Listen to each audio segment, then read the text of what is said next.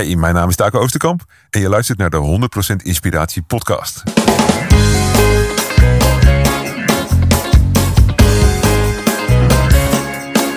Hey, wat goed dat je luistert. Hij staat weer voor je klaar. Je wekelijkse dosis inspiratie is weer daar.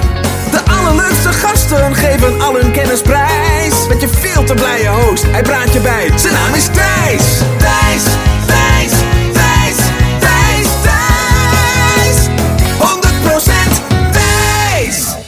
welkom bij deze nieuwe aflevering. En ehm, ja, ik weet tijdens het inspreken van deze intro niet welk nummer dit gaat zijn. Het zal iets in de 100 zijn, dat lijkt me vrij eh, logisch. En dat komt omdat ik eindelijk een beetje voorloop. En dat is wel echt lekker hoor. Ehm, om zo na de zomer eindelijk de situatie te hebben dat ik een aantal interviews op de planken heb liggen.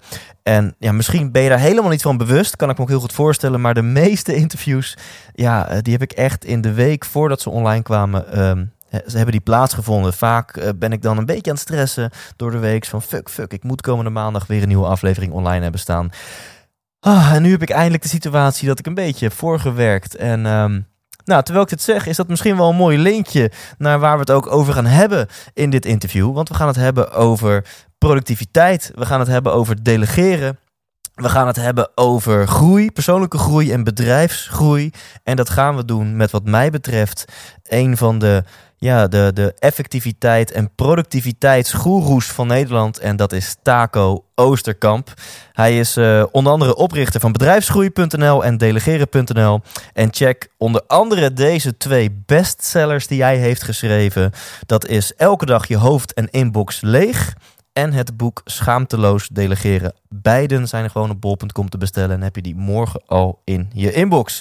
En ik denk dat ik hiermee ook heb verklapt waar dit interview over gaat. We gaan ehm, van diep, hè, dus, dus van echt spirituele vraagstukken over wie ben je, een stukje introspectie. Hoe belangrijk is het om van jezelf te weten waar jouw sterke en minder sterke punten liggen. eh, tot aan gewoon hele praktische tips voor een lege inbox, voor meer productiviteit. Uh, uh, hoe overwin je nu de angst om te delegeren? Hoe zorg je ervoor dat je met minder uur per week meer resultaat kunt behalen, zodat je ook tijd en aandacht kunt besteden aan jouw andere levensgebieden, zoals jezelf, je gezin, je gezondheid, je hobby's, etc. Uh, wat mij betreft is het een onderwerp dat absoluut uh, in lijn ligt met een, een, een gelukkig en in balans, gebalanceerd leven. Um, dus ja, laten we gewoon lekker snel beginnen. En ik verklap alvast, check thijslindhout.nl slash taco als je meer wilt. Want dan krijg je een hele hoop gratis extra's toegestuurd en maak je kans op zijn boek Schaamteloos Delegeren. Dus check meteen even thijslindhout.nl slash taco. En dan ga ik hem nu introduceren. Hier is Taco Oosterkamp. 100% Thijs. Oké, okay, check. We lopen. Taco. Ja, super. Um, dit is, voor mij ook wel een dingetje, want ik ben er uh, bijna zes weken uit geweest. De hele maand augustus ben ik op vakantie geweest. En uh, dus voor het eerst sinds, uh, sinds zes weken zit ik weer tegenover een, ja, een persoon die wat mij betreft een goed verhaal heeft. En volgens mij wel wat, wat tips kan delen met mijn luisteraars. Nou, dan gaan we dan afwachten. Ja, laten we eens kijken Het was of, een hete zomer hier, dus lekker om weer te starten. Nou, die hete zomer is nu ook gewoon weer voorbij. Ik landde eergisteren op Schiphol. Waar en, kwam je vandaan? Tenerife ben ik uh, vier weken geweest. En hoe, hard, hoe heet was het daar? Uh, poeh, ik, geen idee, maar uh, elke dag zon, blauwe lucht. Ik denk een gaatje of 28, 30. Lekker man. En uh, Tenerife zit, zit vlakbij de, de Evenaar, vlakbij Afrika. Dus daar is het gewoon altijd warm. Altijd lekker, ja. precies. En hier uh, beland ik weer netjes in de regen. Dat is altijd zo'n mooi het is welkom, bijna, weer herfst hier, hè? Ja. ja. Rij van Schiphol naar huis in een taxi Ja. en dan... Uh, Ik heb altijd als ik wegvlieg, dat als het dan gaat regenen, dan is het een, mooi weer om weg te vliegen, weet je wel? Dan, Ja. dan denk je, oh ja, fijn, dat Nederland. Het is een hele nare eigenschap, hè? Dat we eigenlijk als je vakantie bent, wil je eigenlijk dat het in Nederland te kut weer is. Dat, nee, dat bedoel ik. Je, Ja, ik gun het de rest van die mensen niet, maar ik vind het voor mezelf wel lekker dan om ja, weg te gaan. ja, precies. Je wil niet op vakantie zijn en dan te horen krijgen dat het in Nederland 37 graden is. Weet je wat ik ook raar vind, is dat ik dan een soort, ehm, ook doordat ik zoveel gereisd heb, ja, niet extreem veel, maar ik bedoel, ik heb best wel wat gezien, dat ik dan merk dat ik daarvan geniet. Maar dat ik tegelijkertijd natuurlijk de, het klimaat dat we hebben in Nederland is heel eh, goed voor productiviteit. Ja. En ehm, dus dat ik denk, ja, aan de ene kant ben ik enorm aan het genieten van eh, de samenleving die we hebben opgebouwd hier de afgelopen duizend jaar of zo. En tegelijkertijd stelt dat me dus in staat om naar de Cariben te vliegen of zo. Ja. En daar dan te genieten en te klagen over het weer in Nederland. Dus Ja. eigenlijk ook wel een beetje gemeen. Nou, dit, voordat ik dan mijn bekende eerste vraag in ga stellen, ben ik hier nog wel heel benieuwd naar. eh, als productiviteits-expert. is er dan echt een verband tussen klimaat en, en ehm, welvaart? Want als je kijkt in Europa, Scandinavië zijn de meest welvarende landen van Europa. Nou, wij zitten er iets onder. Wij doen het ook niet oké. Maar ga je naar het zuiden, Portugal, Spanje, eh, dan wordt het minder welvarend. Ja, ik ben geen researcher, maar ik, ik zie precies hetzelfde patroon als wat jij je ziet. Maar, zeg, maar als econoom of zo zou ik daar geen... Nee, geen nee, precies. maar, maar eh, ja, ik vind het ergens... Het zou niet onlogisch zijn, Nee, toch? hè? Maar het is gewoon zo dat je in principe als het klef heet is elke dag, dan heb je dat, dan sluipt er een beetje een tranquilo eh, Ja. mindset in, toch? New York in de zomer is echt eh, super heet. Ja, de productiviteit is echt anders dan de rest van het jaar Ja. daar, eh, lijkt me. Ja. Nou, en dan, ehm, jeetje, we zitten er nu al eh, ja. gewoon, gewoon zijn lekker koffietafelgesprek aan het voeren, maar laten we to the point gaan. Taco. Yes. Wat wil je worden als je later groot bent? Ja, ik ben twee meter anderhalf en ik wil eigenlijk voorkomen dat ik daar nog heel veel bovenuit eh, ga schieten. Ja. Ehm, maar als het meer om leeftijd gaat en zo. Ah, goeie vraag, man. Ehm, ik heb ergens heb ik het gevoel dat ik nog steeds iets wil eh, troubleshooten en fixen aan armoede. En ik wil daar iets aan bijdragen. Ik ben eigenlijk ook al jaren aan het zoeken naar wat daar dan echt mijn rol is. Want nou Ja. goed, ik ga over productiviteit, of daar denk ik dan over na. En ehm, een heleboel dingen geprobeerd, maar nog net niet het ding gevonden waarvan ik denk van dat, dat, is, dat is echt, dat, dat gaat het zijn. Ja. Maar de laatste vijf, zes, zeven jaar of zo beginnen de plannen wel een beetje concreter te worden. Ehm, dus ik ben heel concreet dit jaar begonnen met een nieuw bedrijf. We zijn een app aan het bouwen. gaat over onderwijs en over veel sneller leren. En ehm, ik vind dat wel echt een vette uitdaging. Ik ben boeken aan het lezen over de start van Airbnb en ehm, eh, Dropbox en LinkedIn. En weet je wel, dat, het is zo makkelijk om ernaar te kijken en te zien... man, wat heeft die Zuckerberg een succes. Ja. En, en misschien ook wel geluk gehad met dat hij de eerste... Weet je wel, of, je ja, hebt een soort van aannames in je hoofd... van waarom iemand heel succesvol Ja. wordt met zijn bedrijf. Ja. Maar eh, er komt een eh, heleboel bij kijken. En eh, daar schrik ik nog een klein beetje voor terug. Maar goed, we zijn de eerste stap aan het doen en we kijken wel waar het heen gaat. Ja. Maar dat lijkt me eigenlijk het meest toffe. Als ik gewoon, weet ik veel, over 20, 30 jaar terug kan kijken en kan, kan zien. Ik was in Costa Rica afgelopen jaar twee, drie keer. En dan ehm rijd ik daar en dan langs de spoorlijn. En er zitten gewoon 15, 20 kinderen zitten op die spoorlijn van die tieners. En ze zitten allemaal met een mobiele telefoon. Ik denk, oh ja, hier is het dus ook al heel hard bezig. Ja. En eh, Afrika zometeen ook. Hoe, ik vind echt dat, dat het onderwijs, oh man, als je, daar, daar heb ik wel een mening over, zeg maar. Ja. Vooral over ehm, dat het eigenlijk veel sneller zou moeten kunnen allemaal. En hoe cool zou dat zijn, weet je wel? Ik was in Tanzania in een eh, schooltje en die kinderen die gaan dan gemiddeld vier jaar naar school. En dan zie ik een wiskundeboekje en dan schieten, nou in ieder geval eh, overdrachtelijk de tranen me in, in mijn ogen. Dat is gewoon een Cambridge boekje van voor Noach of zo. Het is echt zo oud. En denk, man, wat zou het tof zijn als we met betere methodes hen kunnen helpen om in vier jaar te leren wat ze normaal in zes jaar zouden leren Ja. of zo, weet je wel? En bedoel je dat ook voor hier in het Westen? Want, want kinderen gaan eh, nou, eerst acht jaar naar de basisschool en dan vier tot zes jaar naar de middelbare school. En dan hebben we nog vier tot zes jaar een beroepsopleiding. Bedoel je te zeggen dat dat wat jou betreft echt veel korter kan? Met dezelfde... Ik weet niet per se of het korter zou moeten. Ik denk vooral dat er heel veel dingen zijn die je niet leert op school, die je eigenlijk wel zou moeten leren. Dus ehm, ik weet niet, laten we lagere en middelbare school nemen, zeg maar. Als ik dan, aan- ik geef trainingen aan mensen die leiding geven. Ja. Ondernemers, directeuren, managers. Ja, ja. Vraag ik ze over delegeren en leiding geven. Wie van jullie heeft op school leren leiding geven? Niemand. Net alsof dat niet belangrijk is. En dan als ik kijk naar mijn eigen kinderen, die zijn eh, al wat groter. En dan hoor ik hoe zij op de middelbare school, eh, nou zeg maar, eh, in groepjes gingen samenwerken. Was het idee altijd dat je, je wordt in een groepje gezet en gaan we samen maar een projectje doen. En natuurlijk was er altijd eentje die moppert dat de anderen niks doen. Maar ga je daar dan mee naar de docent, dan krijg je te horen, ja, we gaan het maar samen oplossen. Dat is goed om te leren, hè? weet je, training on the job. Ja. En daar zit Ja. wat in. Ja. Maar tegelijkertijd krijgen ze nul les in hoe werkt dat dan precies om mensen aan het werk te zetten. Of om met elkaar aan het werk te zijn Ja. en iets te doen. Ik snap dat niet. Geld verdienen. Weet je wel, jij bent ondernemer, ik ben ondernemer.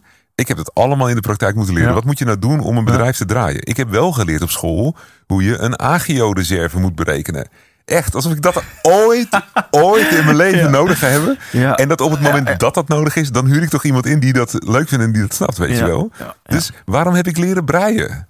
Ik bedoel, prima hoor. heb jij leren breien? Ik heb op de lagere school heb ik breiles gehad. We hadden gewoon een, een, een handwerkdocenten. Dus als ik nog eens een lekker warme trui wilde, weet Ja, dan kom, kom maar, precies. Moet ik het even opzoeken? Ga ik op YouTube kijken, hoe was het ook alweer? Nee, ik denk inderdaad dat ik nog wel een draad op een naald zou kunnen opzetten. Jeetje. Dat, ik bedoel, Ja. en dat vind ik niet erg. Ik, het gaat mij er niet om dat je alleen maar de harde dingen moet leren op school. Eh, muziek, gymnastiek, laten we het er allemaal vooral inhouden. Ja. Maar eh, ze zijn in Engeland een experiment aan het doen, of een, een bedrijf in Engeland is een experiment aan het doen in Afrika. Waar ze iPads inzetten, spelletjes opbouwen in Engeland. En eh, die helpen eh, kinderen in de basisschoolleeftijd om wiskunde sneller te leren. En ze zijn diezelfde spelletjes dus in Engeland gaan testen. En bleek echt dat dat zes keer zo snel ging of zo. Wauw. Gewoon omdat de vorm anders Ja. is. Ja. En er is zoveel onderwijs of zoveel dingen die, die ik in ieder geval heb moeten leren in mijn schoolcarrière. ehm, waarvan ik denk van, nou, dat had echt zo anders Ja, gekund. ja. Ik ben nu of op vakantie heb ik een boek gelezen, Barking Up the Wrong Tree. Ja? Dat is ondertitel geloof ik ehm, Why Everything You Ever Learned About Success Is Wrong. Ja? Dat is natuurlijk wel een eh, mooie ondertitel. En ehm, hij gaat al die mythes na. Van moet je nou een rule breaker zijn of moet je de Ja. regels volgen? Moet je nou een asshole zijn of een nice guy? Ja. En moet je nou volhouden of moet je juist dingen kunnen loslaten? En ehm, nou, ergens in een hoofdstukje heeft hij het dan ook over hoe belangrijk het is als iets een spelletje wordt. Als iets een Oh, game wordt. Dat je dan gewoon echt accelerated, accelerated aan het leren bent. Ja. En dat is denk ik ook wat jij nu aangeeft. Als het leuk wordt, een spelletje, dan eh, dat opent ineens nieuwe toegangen tot je brein en dan neem je het veel sneller op. ja, er zit veel meer motivatie in. Ja, En eh, als iets belangrijk is om te leren, en, en ik ben al jaren ben ik mensen nieuwe dingen aan het leren, dus we zitten er ook over na te denken voor onszelf, van hoe doen wij dat dan? Eh, kunnen we ook nog een hele hoop in verder komen, denk ik. Maar als iets belangrijk is om te leren, is het motivatie. Ja. En als je naar een gemiddelde school kijkt en nou, de gemiddelde, weet je, er zijn, je hebt altijd een, een, een, een dwarsdoorsnede van een klas met kinderen die vinden het fantastisch, want het past bij hen qua leerstijl, het past bij hen qua persoonlijkheidsprofiel. Eh, maar iedereen die daar maar een beetje, beetje buiten valt, ja, Ja. dan houdt het op. en ik ben het helemaal met je eens dat, dat, er, ehm, ja, dat het leven wat meer onderdeel mag zijn van studie, van school. Eh, en dat voorbeeld wat je zegt, dat, dat relateert, eh, of dat resoneert heel erg bij mij. Want ik heb bedrijfskunde voor, voor Christ's sake gestudeerd. En zelfs daar leerde ik niet. Hè, maar als ik nou een ondernemer wil worden, Ja, wat moet je dan doen? Eh, van de praktische dingen, zoals KVK-nummer en B2 en dat soort dingen, tot aan eh, de- hoe bouw ik een sales funnel of een business model. Hè? Ja, op, op bedrijfskunde komt dat niet eens aan bod. Ja, en wat mij betreft zo KVK en zo, en, en dat, dat, dat geloof ik allemaal wel. Weet je, dat kun je opzoeken. Dat nou, op het moment zo- dat je aan de gang wil, dan kom je erachter. Ja? Maar hoe, wat is nou de basis van een economie? Hoe, hoe komt het dat je in je bedrijf geld verdient überhaupt? Waarom zijn mensen bereid om jouw geld naar- te betalen om geld op je bankrekening Ja. te zetten? Hoe krijg je dat voor elkaar? Ja. Hoe vind je dat uit? Hoe, hoe, hoe zie je waar jij zoveel mogelijk waarde toevoegt? Eh, wat is nou de, echt de rol van de ondernemer? Ehm, dus ik denk dat de meeste ondernemers zijn eigenlijk professionals die voor zichzelf zijn begonnen. Ja. En die dan dat, dat boek eh, De Ondernemersmythe van Michael Gerber, de E-Myth, is echt een briljant boekje Hm. voor mensen die ondernemer zijn. Ja, je, je, gaat, je begint gewoon ergens. En op een gegeven moment kom je erachter van ja, het gaat fantastisch goed. Ik heb mensen nodig. Ja. En dan word je opeens manager. Ja. De meeste ondernemers hebben een hekel, echt een Oh, takken ja. hekel aan managen. En als je daar blijft hangen, word je helemaal gek. Ehm, maar Ja, en dan dat heb je al de stap gehad dat van niet? eh, hoe neem je goede mensen aan? Dat heb je dan, hè? want je hebt mensen nodig en dan... Dat moet je allemaal in de praktijk Ja, leren. En dan heb je ze en na hoe ga je ze managen? En- Ja. ja. Nou, dat, ik denk dat een mooi linkje is naar wat verderop in het interview. Jij bent, eh, nou ja, jij coacht onder andere bedrijven om sneller te groeien. Ja.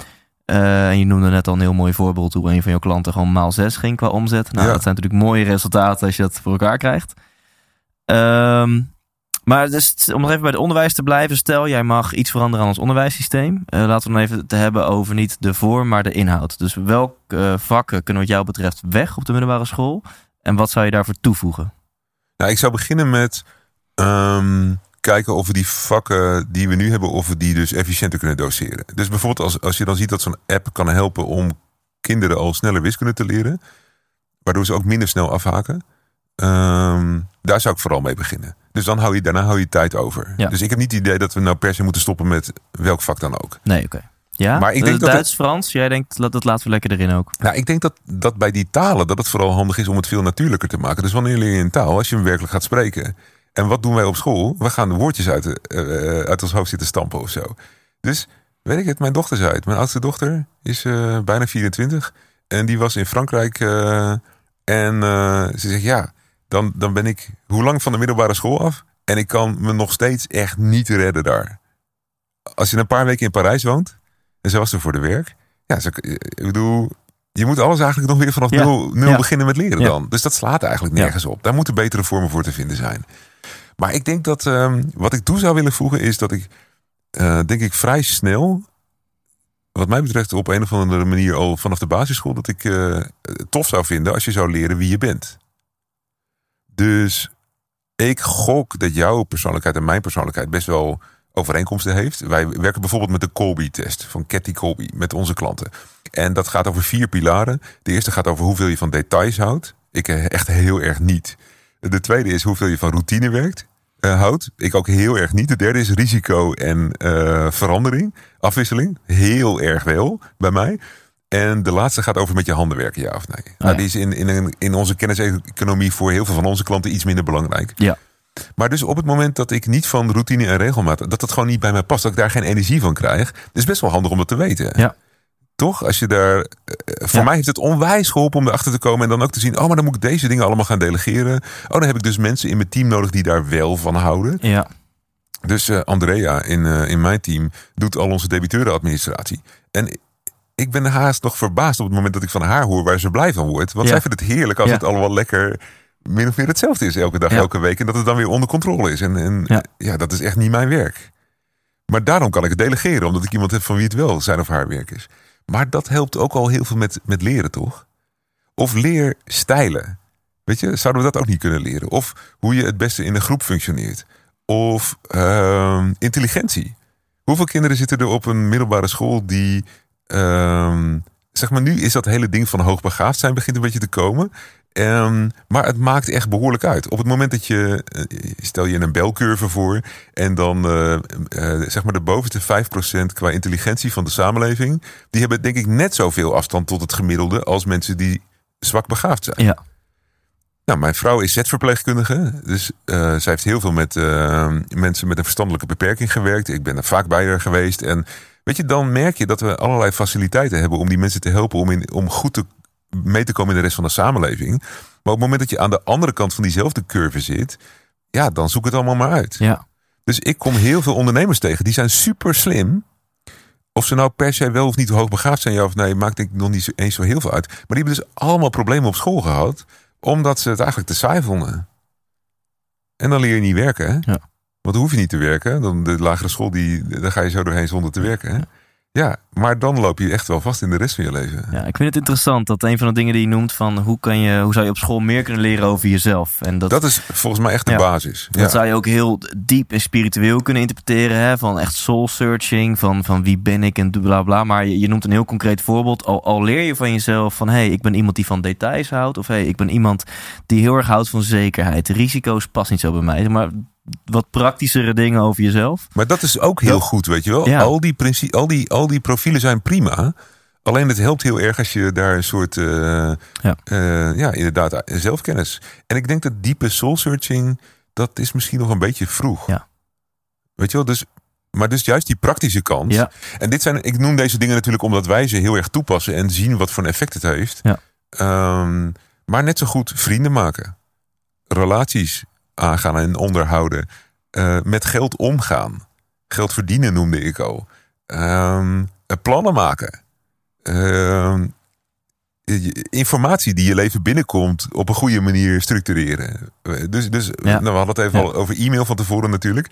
Ja, in de tijd dat ik op school zat, zat er, was er geen e-mail. Maar ehm, weet, je, weet je, hoe maak je nou een planning? Ja. En ehm, er is zoveel wat je eigenlijk dan in, in de rest van je leven daarna... en soms zelfs nog na je hbo of je universiteit of je mbo... of wat voor een opleiding je hebt gedaan... wat je dan nog zelf moet gaan zitten uitzoeken. Ja. Echt zonde. En deze praktische dingen die kunnen, denk ik, wel degelijk ook een effect hebben op je, op je geluksniveau. En Ja, hoeverre absoluut. je van het leven geniet. En eh, daar eh, heb ik ook wat interessante vragen over Ja. later in het interview. Als we het echt gaan hebben inderdaad over tips over ondernemen en eh, productiviteit en zo. Dan, eh, ja, Nou, één, jij van- één- ja? één- één- één dingetje wat ik dan vast wil noemen is... op het moment dat ik met een ondernemer aan het werk ben... en hij of zij komt erachter dat ze hoog scoren op quickstart... dus op eh, verandering en risico nemen en, en afwisseling en zo... en opeens geeft ze dat een soort legitimatie... om het saaie werk, wat voor hen dan vervelend en Oh ja. saai is... om dat te delegeren naar iemand die daar juist goed in is... Ja. moet je kijken wat dat met je geluksniveau doet. En dat is gewoon heel praktisch. Ja, en, en om dit onderdeel eh, zeg maar, ah, te, te rappen van, het interview. Om de eerste vraag die ik stelde, wat wil je horen als je later groot bent? Die, die heb ik al 104 keer gesteld aan de eerdere eh, gasten. En ik vind het mooi. eh, de ene die, die komt wat spirituele antwoord van nou, ik ben al mezelf en ik wil mezelf blijven. Of ik wil mezelf nog meer ontdekken. En de ander komt met een heel persoonlijk doel of wat dan ook. Eh, en jij, nou, echt het eerste wat in je opkwam is van nou, ik wil wel iets doen aan de armoede in de wereld. En, en Ja, dat, is, dat- zegt dus ook iets over mij dan, ja, weet je wel? absoluut. Ja. Dat vind ik heel mooi eh, antwoord. Dus jij wil ergens ja, de, de, de assets die je hebt, jouw kennis, jouw eh, misschien wel een stukje van je vermogen, tijd, geld, energie gaan steken om, Ja. om, om ja, daar een positieve manier een stempel op te kunnen Ja, drukken. en daar ben ik dus ook al zeg maar 10, 15 jaar mee bezig op allerlei verschillende manieren. En ik heb het idee dat dat nog veel beter kan. Ik heb het idee dat die, dat die fase misschien wel de volgende fase is Ja. in, in mijn leven, zeg maar. Eh, en dat zou dus bijvoorbeeld via het nieuwe bedrijf kunnen. Eh, waar we die software aan het ontwikkelen zijn. Om uiteindelijk dan kinderen te helpen om eh, veel sneller. En, en heeft dat leren. voor jou persoonlijk dan denk je te maken met, met ouder en wijzer worden en misschien ook wel meer je schaapjes op het droge hebben? Dat je misschien wat minder ego hebt en wat meer bent gaan na- aan het nadenken gaat van hé, hey, hoe kan ik echt, echt een steentje bijdragen? Nee, zo ervaar ik het niet. Voor Nee. mij is het meer een, een zoektocht die echt al heel lang loopt. En waarvan ik wel. ehm, nee, net, net als in, we hadden het net even over dat je in, in je bedrijf ook je fuck-ups hebt en dingen die totaal fout gaan. En, en, en nou, dat heb ik in deze, dit deel van mijn leven ook gehad. Dat ik dingen geprobeerd heb. eh, en uiteindelijk merk van, nou ja, dit is het toch niet, of dit werkt niet, of het, het krijgt niet het momentum wat ik wil. Nou, terug naar de tekentafel. Ehm, en ehm, maar, maar het is wel iets wat al heel lang bij me is en waar ik echt naar op zoek ben. Ja. Ja. En enig idee waar dat vandaan komt? Ehm, ik herinner mij. Ik weet niet of dat helemaal daar vandaan komt, maar ik herinner me dat ik als klein kind, of als, als acht jaar, negen jaar of zo, dat ik in de auto zat en dat ik er al iets over tegen mijn moeder zei. Ik denk dat armoede ergens iets toch met mijn hart doet of zo. Ja. En ehm de dia-beelden van vroeger van arme kindertjes in Afrika ehm, zullen daar ongetwijfeld aan bijgedragen hebben. Maar ik denk dat het misschien, weet je, ik ben op de een of andere manier toch wel gefascineerd door hoe werkt dat dan met welvaart creëren en waarde toevoegen. Ja. Ook, ook voor Nederland, ook voor Europa. Ja. Ook als ik nu naar de toekomst kijk, denk ik, nou, we staan nog best wel een wat turbulente tijd eh, die eraan zit te komen. Is wat ik verwacht. Zonder daar nou heel doemdenkerig over te doen of zo. Maar ik denk, we zijn er nog niet. Dit is, nog, dit is wel. Economie is echt wel belangrijk in het leven van mensen. Ehm, juist ook in het hele persoonlijke leven van mensen. Dus eh, nee, dat komt wel echt uit mijn jeugd, dit. Ja. ja. En dan zou je denk ik het liefst iets ook met jouw expertise willen doen. Zo van, jij, jij bent geen eh, ingenieur op het gebied van waterputten bouwen. Maar jij bent wel expert op het gebied van een hele hoop eh, andere gebieden in het leven. En, en die kennis zou je willen inbrengen om iets aan armoede te kunnen doen. Nou ja, wat ik zie is dat op het moment dat wij zo meteen met die app het zo kunnen bouwen dat we verpleegkundigen in Kenia ehm, slimmer, sneller, beter kunnen opleiden om te doen wat zij moeten doen en wat ze willen doen. eh, hoe cool zou dat zijn? Ik denk dat echt dat kennis en kennisoverdracht is dus zo'n wezenlijk onderdeel. Dus bijvoorbeeld in Tanzania ging ik aan iedereen vragen daar, wa- waarom, waarom is er armoede en wat zou er aan moeten veranderen? En eigenlijk het antwoord wat ik van daar steeds terug hoorde is eh, onderwijs, onderwijs, onderwijs. En ik denk dan niet meteen aan klaslocaties, ik denk aan kennis. Ja. En, aan, Ja. en, en Ja. weet je wel, dus ehm, Ja, educatie, hoe, dat, dat is een begrip en een vorm om dat, zeg maar, eh, een manier om dat vorm te geven is op onze traditionele manier met z'n dertig in een klein lokaaltje zitten achter een bankje, bla bla bla. en dat is eigenlijk eh, ontstaan in de tijd van de industriële revolutie. Ja. Het is een heel raar systeem. Ja, v- voor nu in elk geval. Voor toen was het denk ik perfect. Ja, hangt een beetje vanaf, eh, zeg maar. ehm, zelfs als het perfect is om mensen zo, zo, om, zo ver te krijgen waar je ze wil hebben, dan nog is het, het sluit zo niet aan bij hoe kinderen in elkaar zitten. En hou me ten goede, hè. ik heb echt, ik zeg echt niet dat we het onderwijs moeten afschaffen of zo. ik zie het gewoon als we zijn op, op weg continu. En alles kan altijd beter. En dus kan Ja. het onderwijs ook beter. En ehm, natuurlijk had ik docenten waar ik eh, super blij mee was. En een paar waar het wat minder klikte, weet je wel. Mhm. Maar dat wil niet zeggen dat ik ze dan niet waardeer. Ja. Ehm, maar als het systeem snap ik het gewoon niet. Dus hoe lang hebben we onderwijskunde? 50 jaar, 100 jaar of zo? Dat er wetenschappelijke studie wordt gedaan naar hoe, hoe mensen dingen leren. Ja. Ja, daar zie ik dus heel weinig van terug. Het, het lijkt een redelijk conservatieve sector te zijn. Eh, dat, het, het onderwijs doet volgens mij nog hetzelfde als wat, eh, wat we altijd Nou, er deden. is, er is natuurlijk best wel veel geïnnoveerd. En er is ook vanuit Den Haag best wel veel doorgedrukt en zo. Maar goed, ik zeg maar, mijn, mijn punt was niet zozeer ik wil het onderwijs in Nederland aanpakken. Mijn punt was vooral, ik denk dat als we in Tanzania een manier kunnen vinden om die kinderen met een betere methode te laten werken, dat het beter en, en sneller kan gaan. Ja. En vervolgens, als je aan dat draadje gaat trekken, kom je natuurlijk van alles en Ja. nog wat tegen. Ja. Politiek en, en qua cultureel en op weet ik veel welke manieren dan ook. Is ook niet een vrij simpel probleem om op te lossen, Nee. natuurlijk. Maar wel de moeite waard om daar nog even mijn tanden in te zetten. Ja, tof. Ik hoop dat hiermee luisteraars geïnspireerd worden. Dus als mensen goede ideeën hebben, gooi het vooral op de mail.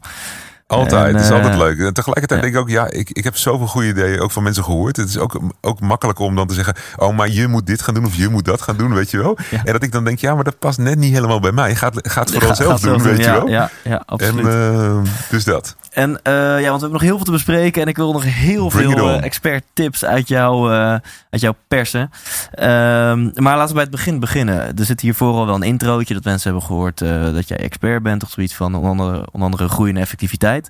Maar goed, jij bent niet geboren als expert op het gebied van groei en effectiviteit. Ehm, dus kun je eens wat vertellen over jou, jouw levensloop?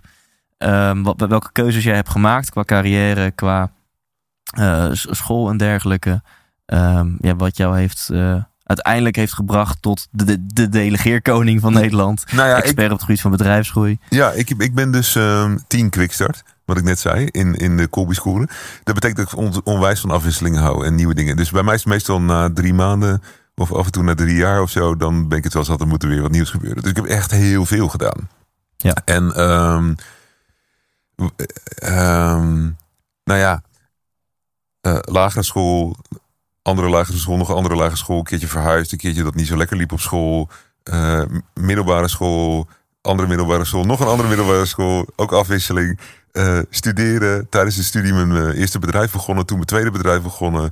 Ehm, mijn, onze oudste dochter werd geboren en toen ben ik in het academisch ziekenhuis gaan werken in Utrecht. Hey, en die bedrijven die je tijdens je studie begon, wat voor bedrijven waren dat? We verkochten, samen met een vriendje verkocht ik eh, hardware en software.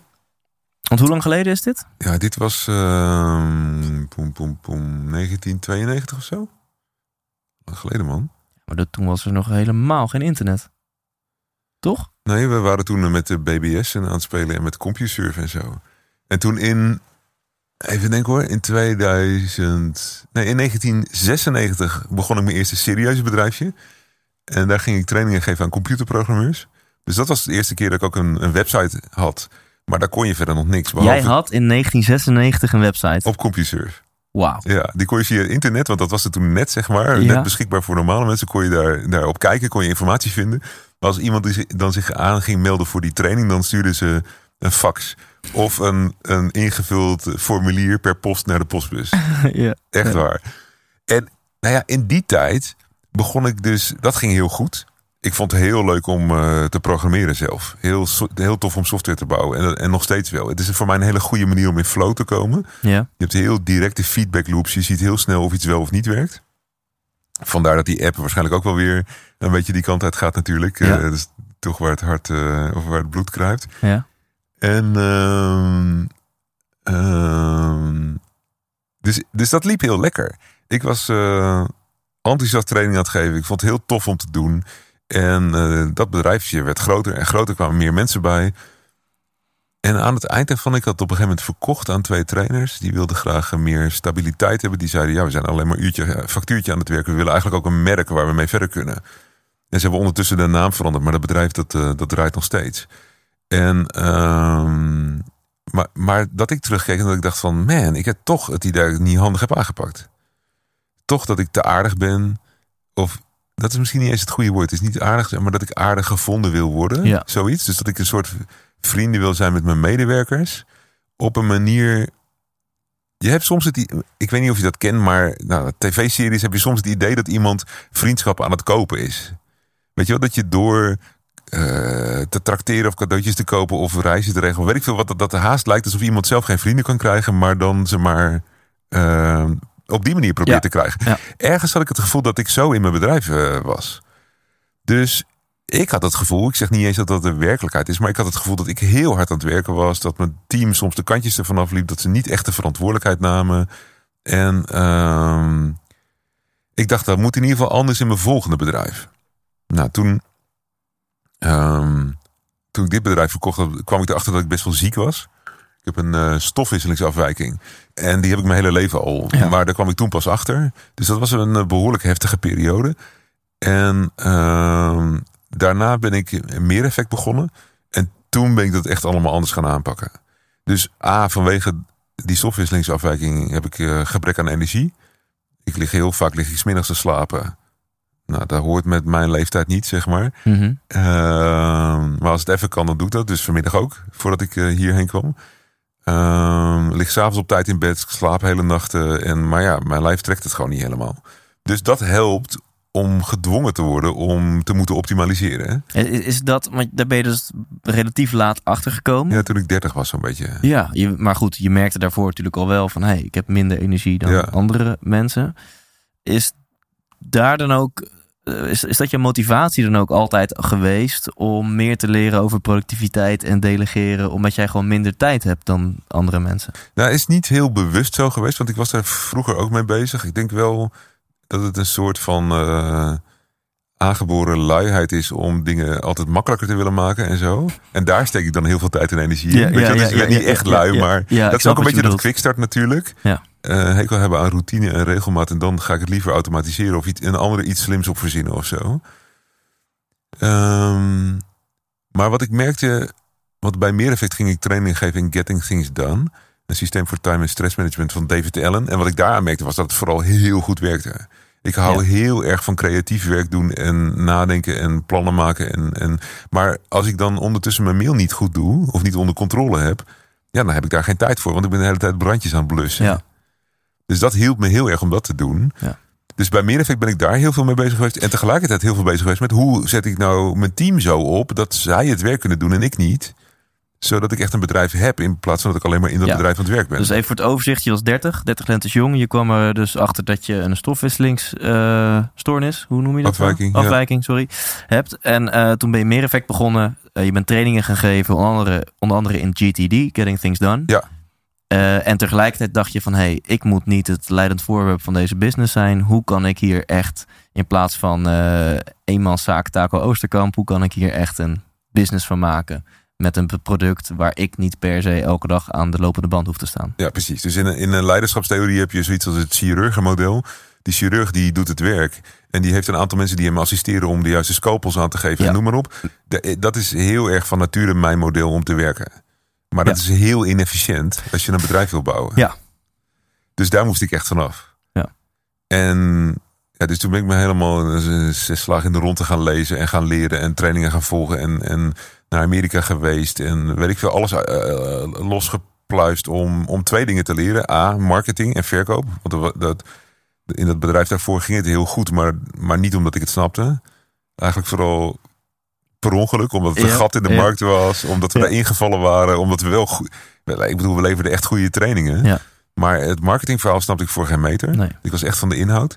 Maar het tweede wat ik bij Meereffect echt ging leren van... eh, ja, hoe stuur ik dan een team aan? En hoe zorg ik dat mensen eh, op de juiste plek komen? Ja. Ook de plek dus die bij hen past qua hun persoonlijkheid. Ja. En hoe verdelen we dan het werk goed en handig? En je had dus wel echt een, een hele leergierige mindset. Je Ja. had ook kunnen denken, ik ga het zelf uitvinden. Maar nee, jij vloog naar Amerika in een tijd waarin het veel minder gebruikelijk was dan nu om eventjes een vliegtuig in te stappen om een seminar te gaan volgen van een paar duizend gulden of euro. En dat deed jij toen al. Om, Ja. om, om- omdat jij gewoon successtrategieën en formules wilde leren van hoe bouw ik een business. Ja, dus dit was denk ik eh, tien jaar geleden of zo. Tien tot vijftien jaar geleden. Ja. En ehm, ja, ik was... eh, ik heb bij Per- Perry Marshall bijvoorbeeld in zo'n roundtable eh, eh, vier jaar meegedraaid. Dan hebben we het nog over iets meer investering dan wat je net noemde. Eh, en dan nog het heen en weer reizen. En de, en de hotels en weet ik veel wat allemaal. Ja. Kijk, dit is mijn wekkertje. Ik weet niet of je hoort, maar eh, dit is mijn chill wekkertje. Oh, kijk, het is, het het is, is tien voor vier. tien voor moeten even tien minuten chillen. Want anders ben ik alleen maar aan het werk. Ja. Maar ik zal hem niet uitzetten. Zal ik je even masseren de komende 10 minuten? En ehm, best een idee. ja, Ehm, nou, misschien kijken of misschien eh, andere mensen op kantoor eh, daar eh daar in geschoold behoefte aan zijn. hebben. Ja, ja, Ik ben notabene gediplomeerd masseur, joh. Dus ik Oh. weet het ook nog hoe het werkt. kijk. Maar ehm, Heeft je vrouw even geluk? ik zeg al, ik doe allemaal rare dingen. Eh, ik hou Ja. van afwisseling. Maar dus, ehm, ja, dus ik, ik ging daarheen om te leren. Ook om te leren die marketing. En dus ook om te leren hoe, hoe werkt dat dan handig met een team. Daar werd iedereen blij van.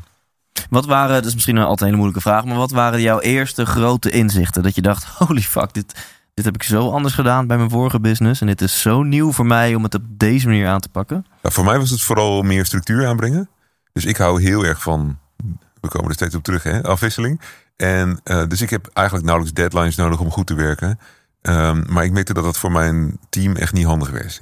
werd dus veel duidelijkere afspraken. Veel duidelijker eh, verdelen ook wie is nou waarvoor verantwoordelijk. En die verantwoordelijkheid dan ook bij die persoon laten, ja of nee. Ehm, dus ook inderdaad goed uitzoeken van eh, welke persoon en welke persoonlijkheid past bij welk type werk.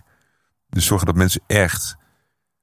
Dat vind ik zo'n jeukterm, maar dat ze echt in hun kracht staan. Eh, maar gewoon dat ze Ja. echt het werk doen wat echt bij hen ja, past. precies. Dat ze plezier in hun werk hebben en met energie naar huis gaan. En dat heeft zoveel te maken met wie je bent. En zo weinig met welke vooropleiding je hebt gedaan. En met hoe, weet je wel, wat voor banen je eerder hebt gedaan. Ja. Maar ook wel echt moeten leren om de lat hoog te leggen. Ja. Gewoon, ik neem mezelf serieus, maar ik moet mijn mensen dus ook serieus nemen. En als die er een potje van maken. En Getting Things dan helpt daar heel erg bij. Omdat je, het gaat heel erg over betrouwbaarheid in communicatie.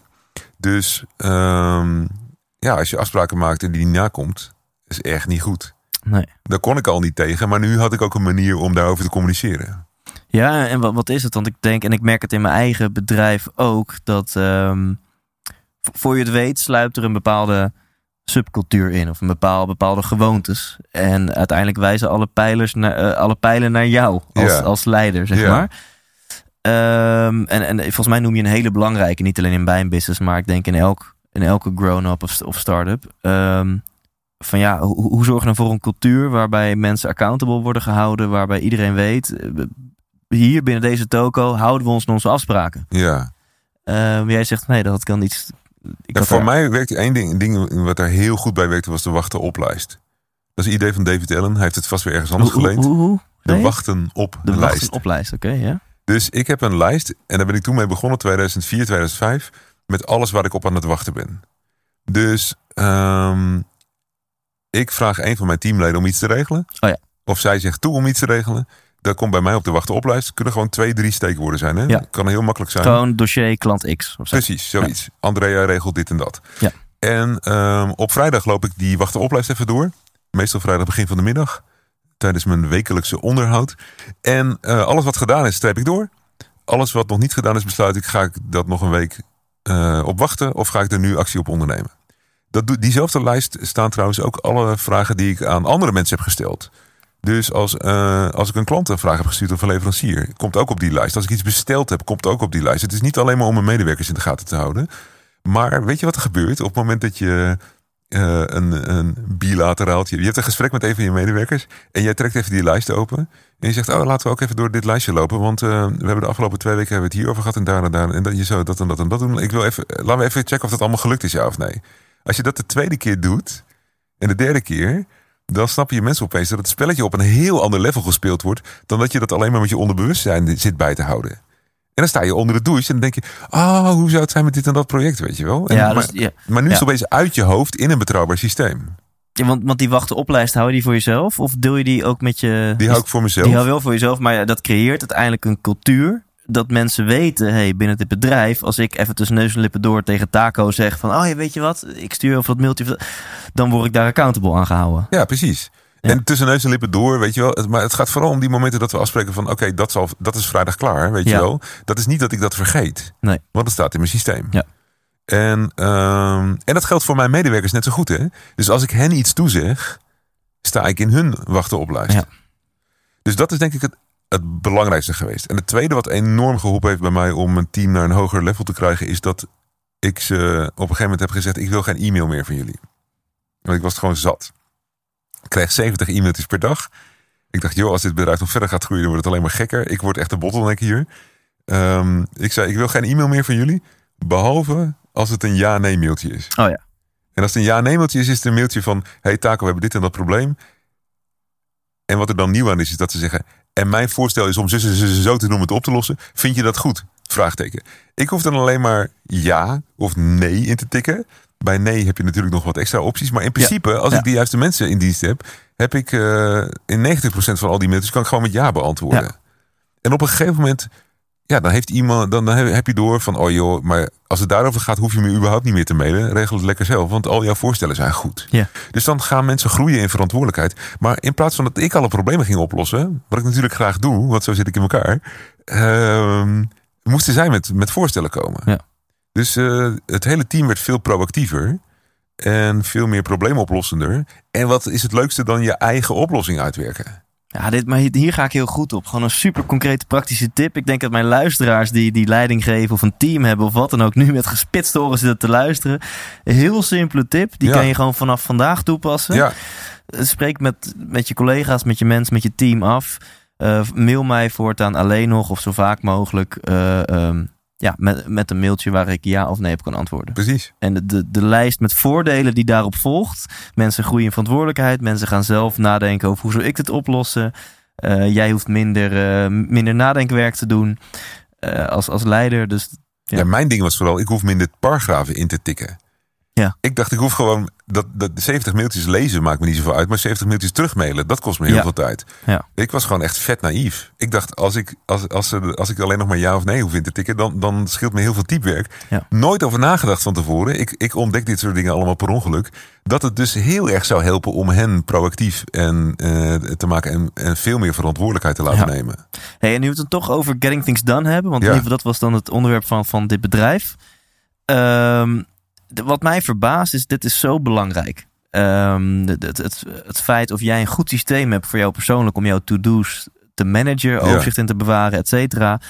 Dat, dat is gewoon het verschil of jij thuis nog voor je gezin fatsoenlijk eh, aandacht eh, kan besteden of zeker. niet. Ja. Dus het heeft een mega effect op je levenskwaliteit. En daarom verbaast het mij dat zoveel professionals die fucking goed zijn in hun werk, of je nou consultant, ondernemer of wat dan ook bent, dat die of geen systeem hebben voor hun to-do's, of daar nog nooit over na hebben gedacht. En de een die gebruikt vlaggetjes in hun mailbox. weet Ach je wel. man, ja. Nou ja, jij, jouw nek Markeren als ongelezen. Markeren dat is gewoon een leugen.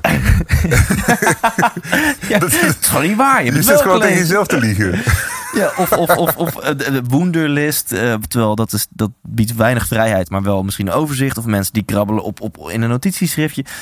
Dus mijn één vraag is: ehm, eh, is er een systeem wat wat jou betreft eh, het, het beste werkt? En zijn er bepaalde systemen die wat jou betreft gewoon echt niet werken? Nee, ik denk echt, en dat vind ik het mooie aan GTD, is het gewoon, het is helemaal systeemagnostisch, systeemonafhankelijk. Ja. Dus we hebben ook bij eh, eh, Board of Directors van de supermarktketen, hebben we die mensen allemaal gewoon met pen en papier laten werken. Want we durfden het niet aan om hen eh, te dwingen Ja. om, om digitaal te gaan. Dan hebben we het echt over eh, 10, eh, 20 jaar geleden. Hè? Eh, 10, 15 jaar geleden. Maakt niet uit. Ehm, dus eh dat kan prima met pen en papier. Ik doe in Outlook. Ja. Ik ben heel blij met Outlook. Ik vind het heerlijk dat ik in Outlook e-mails en taken en afspraken en contacten in hetzelfde systeem kan bijhouden. Ja. Ik heb heel veel klachten over Outlook, of in ieder geval heel veel suggesties over wat er beter zou kunnen. Het is echt niet het ideale systeem of zo, maar voor mij werkt Maar dat het. betekent dus als jij ehm, een brain fart hebt van oeh, dit is een goed idee. Of je zit in een bespreking en je zegt, stel jij zegt straks, weet je Thijs, ik mail jou nog eventjes wat URL's en wat dingen over mijn boeken, weet ik veel wat. Ja, dan pak ik mijn telefoon erbij. Ja? Dan heb ik een app. Ik gebruik Captio. En ik... eh, oh man, BrainTos. Ik gebruik er twee. Eentje voor zakelijk, eentje voor privé. Ja? En wat ik daar intik of inspreek, dat wordt doorgestuurd naar mijn inbox. Ja. Dus ofwel mijn zakelijke ofwel mijn privé inbox. En dan verwerk ik het daaruit. Dus als ik jou iets toezeg zometeen, dan, Dan- typ, ik, typ ik dat nu meteen in. Dan mail je en naar jezelf in maandag feite. zie ik dat. Ja, precies. Ja. Maar een mailtje naar jezelf sturen in een mailprogramma, dat kost me alweer drie seconden te veel. Dus daarom gebruik ik een aparte app voor. Dus er zijn dus appjes die gewoon voice memo's of eh, getypte dingen gewoon met één druk op de knop. Oké, Ja, precies. te gek. Super perfect.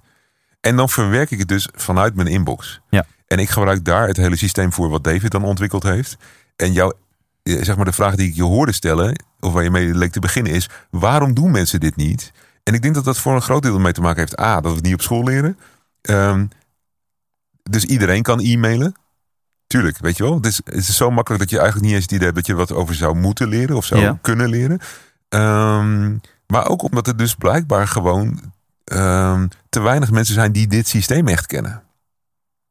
En, en is dan, hoor ik je zeggen van nou, het maakt eigenlijk niet zoveel uit wat je, wat je gebruikt. Of het nou Wunderlist is, een valletje papier, Outlook. Maar hoor ik jou zeggen, zorg er in elk geval voor dat al jouw to-do's centraal op één punt zijn. Nou, ik denk, en, en dat voert te ver om dat helemaal hier uit te leggen. Maar Mhm. ik denk dus dat het maakt voor mij niet zoveel uit welke techniek je gebruikt. Als je maar het denksysteem van David gebruikt. Als je maar dat Getting Things Done denksysteem gebruikt. Ja, zijn mensen daar nu heel erg nieuwsgierig naar. Of, wat, Nou ja, wat een van de dingen om, om, om te noemen is, eh, zeg maar, op het moment dat je zegt dat je al je taken op één plek verzamelt, dat doe ik dus niet. Ik heb in- minimaal twee plekken. Ik heb Ja. namelijk taken voor deze week en taken voor later. Ja. Die haal ik al uit elkaar. Dus al die taken die, waarvan ik nu al aan het begin van de week weet, ik ga het toch niet doen deze week. Ja, die hoef ik de rest van de week niet meer te zien in mijn lijst. Dus dat is al een, een optimalisatie in GTD. En bijvoorbeeld ook het uit elkaar halen van dingen die ik moet doen en dingen waar ik op aan het wachten ben. Dat is ook al een optimalisatie. Dus in dat hele GTD-systeem zitten een aantal van die optimalisaties, waardoor het volgens mij echt krachtig wordt, Ja. echt gaat werken. Of bijvoorbeeld dat als ik nu een afspraak maak om, om iets op te sturen, ik zet het niet meteen in mijn takenlijst, maar ik zet het in mijn, eh, nou, via Capsio of Braintos dan in mijn inbox, zodat ik nog even over na kan denken. Ik heb nog even één extra gedachtemomentje van hoe doe ik dit nou het handigste? Want voor hetzelfde geld mail ik Graciela en zeg ik, wil jij dat even naar, eh, naar Thijs Ja, opsturen? ja. Dus, ehm, weet je, dat boekje kost 15 euro Ja. en die training is één dag. Ja. En ik geef hem niet meer, dus ik verkoop hem niet meer. Dus ik kan dat gerust eh, Ja. hier. Ehm, maar dat heeft voor mij echt onwijs veel veranderd in de samenwerking met mijn team. Dat mijn teamleden ook dat GTD gingen doen. En dat ik dus ja, weet dat, dat ik van ze op aan kan. En, en misschien nog even één niveautje dieper. Heb je enig idee hoe het dan komt? We zijn, we zijn allemaal intelligente mensen. Laten we er even vanuit gaan. En hoe komt het dan toch dat zoveel mensen met oogkleppen op gewoon aan het rennen zijn? Hun inbox gebruiken als eh, de- de- de- leidend voor hoe ze hun dag eh, gebruiken. Hoe ze hun dag indelen. En eh, zichzelf wijsmaken. Ja, poeh, moet ik nu ook nog mijn taken gaan ordenen? Daar heb ik al helemaal geen tijd voor. Ik ben al zo druk. Dus, dus, dus hoe komt het misschien op heb jij daar een bepaalde psychologische verklaring voor? Zit er een bepaald bug in ons brein? Waardoor we zo. Het is super reactief, denk ik. Ja. En dat is eh, eigenlijk logisch. Dat ligt heel erg voor de hand. Dat merk ik niet. Ik ben dan, dus die GTD-trainingen geef ik niet meer. Ik ben nu vooral dan bezig met ondernemers. En dan merk ik eigenlijk hetzelfde. Het is zo makkelijk om gewoon door te rennen in wat je aan het doen bent. Eh, en dat voelt allemaal urgent. En het voelt lekker, want dan heb je weer iets afgewerkt. En dat geeft natuurlijk een klein beetje dopamine boostje Ja. of zo. Dus een klein beetje voldoening. En om nou te gaan zitten en te denken... Man, dit lijkt gewoon eigenlijk niet te werken. Hè? Ehm, hoe ga ik dit oplossen? Dan moet je ook maar die ideeën hebben om dat op te lossen. Weet je, bij mij hielp het dus heel erg dat ik dat boekje van eh, David tegenkwam. Anders was ik had die ideeën nooit verzonnen in mijn eentje. Ehm, maar ja, weet je, als iedereen blijft rennen, dat is niet heel efficiënt. En, en jij hebt dan, om een hele concrete tip te geven, jij hebt op vrijdagmiddag heb jij een vast blok waar denk ik niemand aan komt.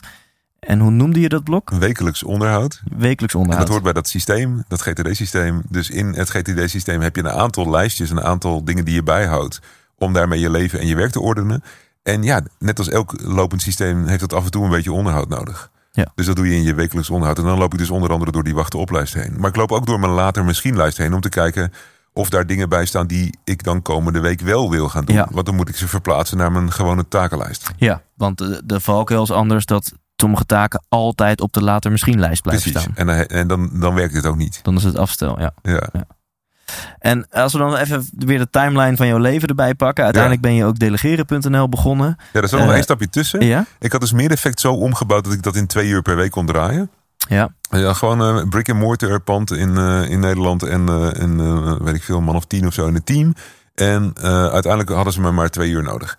En toen dacht ik, nou, daar moet ik les over gaan geven. Ja. Want dan zijn we dus niet alleen maar je persoonlijke productiviteit, je time- en stressmanagement aan het doen, maar ook het, het productiviteit als leidinggevende.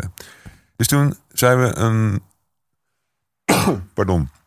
Ben ik samen met mijn collega Marleen ben ik een, eh, een heel programma gaan bouwen voor ondernemers, directeuren en managers. Dat noemden we extreem productief. En dat hebben we, denk ik, twee, drie, vier keer gedaan of zo. En daarna zijn we doorgegaan naar delegeren en bedrijfsgroei. En nu in november doen we extreem productief nog weer eens een keertje in Nederland. Ehm, maar daar gingen we dus echt nadenken over, wat is dat dan, missie, visie? Of hoe, hoe word je nou extreem productief? Ja. Als je niet weet waar je naartoe aan het werken bent, word je niet extreem productief. Ja.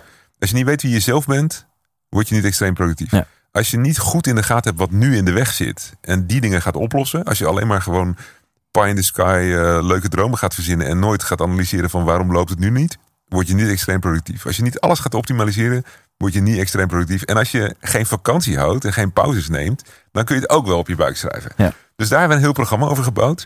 Maar we merkten dat dat ja, spectaculair goed was. Ook qua, qua ik, ik ben heel erg van evaluatiecijfers. Dus ik wil gewoon weten dat het klopt. En, en, en bij ons is echt gemiddeld een 9 of hoger. Ehm, dus dat ging heel tof. Behalve dan dat het niet zo sexy was. Extreem productief. Dat voelt alleen maar alsof je nog harder moet gaan werken of zo. Ja. En toen ehm, eh, ben ik met mijn uitgeverij in gesprek gegaan. En, of met mijn uitgever in gesprek gegaan. En eh, die kwam bij me en die zei: Joh, wil je niet een keer wat? Enzovoort. En toen zijn we begonnen aan eh, schaamteloos delegeren. Het boek wat ik toen over delegeren heb geschreven. Dus heb ik eigenlijk het delegeren onderdeel uit extreem productief gepakt. En dat verder uitgewerkt. En toen zijn we daar ook meer de focus op gaan leggen. En schaamteloos delegeren is gewoon een sexiere titel voor een boek dan extreem productief. Absoluut. Ja. ja. En ik heb zelfs die titel zitten testen. Eh, ten- ik weet niet meer wat de andere titels waren. Extreem delegeren of zo. En we hadden er nog een paar. En schaamteloos deed het heel goed. En Ja. het dekt de lading heel goed. Want ik denk namelijk dat Ja. je als leider... Heel veel leiders die ik ken...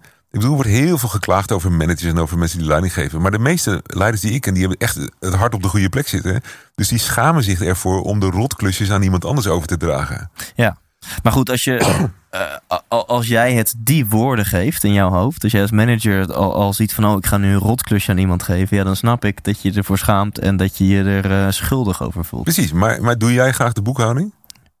Eh, ik persoonlijk. Jij persoonlijk, is dat iets waar je blij van wordt? Nee, nee, absoluut niet. Dus dan ga je dat aan een van je medewerkers overdragen. En dan voelt het toch niet helemaal alsof je niet helemaal een Ja. fijn mens bent of zo. Ja.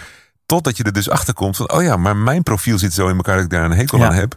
Maar Andrea vindt het heerlijk. Ja. Dus ik kan het met een gerust hart aan haar Ja, dus- overdragen. Dus eigenlijk, ik weet niet of je daar in het boek ook aandacht al aan besteedt, maar we hebben gewoon een soort van paradigm shift om te beginnen nodig. Want volgens mij het woord delen, het is een, het is een woord zonder waardeoordeel volgens mij. Het Ja, woord delegeren ik het gewoon dat je een taak ja. aan iemand Precies, anders geeft. ja. Maar de meeste mensen, en er werd hier net al lacherig over gedaan hier bij mij op kantoor, de meeste mensen hebben bij het woord delegeren toch een betekenis van, oh, is iets negatiefs. Oh, ik ga je, je kutklusjes ga je lekker aan stagiairs of aan je team geven. Precies. Ja. En zo zie ik het dus helemaal niet. Nee. Maar goed, later kwam ik erachter dat delegeren dus ook weer niet zo'n sexy titel is. Maar goed, eh, weet je wel, is, al gaandeweg leer je. Met Ja. vallen en opstaan. Ehm, maar dat is wel heel tof om te zien wat er dan gebeurt. Dus Ja. een, van- een van mijn klanten die kwam binnen bij een eh, masterclass die ik deed over delegeren. Die hebben we tegenwoordig allemaal online. Maar toen gaf ik ze nog live. En ik denk dat daar binnen twee maanden had hij zijn hele bedrijf zo omgebouwd dat hij het in één dag in de week kon draaien. Wauw. En ehm, daarna werd dat nog minder. Ondertussen heeft hij ze maar verkocht. Want hij dacht, nou ja, eigenlijk loopt het ook prima zonder mij. Weet je wel? Maar ja, dat is toch tof. Dus durf jij de stelling aan te gaan dat 9 van de 10 ondernemers die 50, 60, 70 uur per week werken, dat die met een aantal simpele tips, onder andere uit je boek Schaamteloos Delegeren, door die tips toe te passen, dat ze naar 40 of minder uur kunnen ehm, met op zijn minst hetzelfde resultaat? Ja, zeker. Met één voorwaarde. Namelijk, soms moet je daar best wel eh, knopen voor doorhakken. Dus je moet er wel echt voor willen gaan. Ehm, maar ja, absoluut. Ja.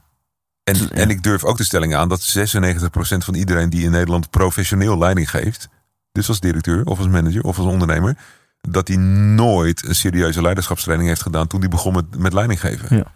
Bij ze- 96. Dus, dus ja, misschien 94. Weet je wel, maar als ik in een zaal van 100 mensen vraag: wie van jullie toen je begon met leiding geven, is daar echt goed in opgeleid? Zijn we weer bij de school terug? Eh, nou, bijna niemand. Ga vier of zes vingers omhoog. Dat is belachelijk. Ja. Hoe kan dat nou? Dus net alsof het niet belangrijk is of zo, weet je wel? Ja. En we gooien mensen Ja. gewoon in het diepe. En als ondernemers springen wij zelf in het diepe. Heb ik wel gedaan namelijk. Ik ben gewoon begonnen met leiding geven zonder er ooit iets over te leren. Ja. Het is absurd. Een, een stratenmaker mag nog geen baksteen in de grond leggen zonder dat hij daar een, eh, Certificaat een, voor heeft, certificaat dus, of ja. opleiding voor heeft. Ja, Maar eh, leiding geven, oh joh. ja. Dat doe je even. Ja. Eh, jij was de, de, de beste consultant of de, de, de meest productieve advocaat van ons team. Gefeliciteerd jongen, jij wordt partner en vanaf nu mag je leiding gaan geven. En weet je wat het grote probleem is? Die mensen, die hebben allemaal heel veel succes behaald doordat ze zo hard werken.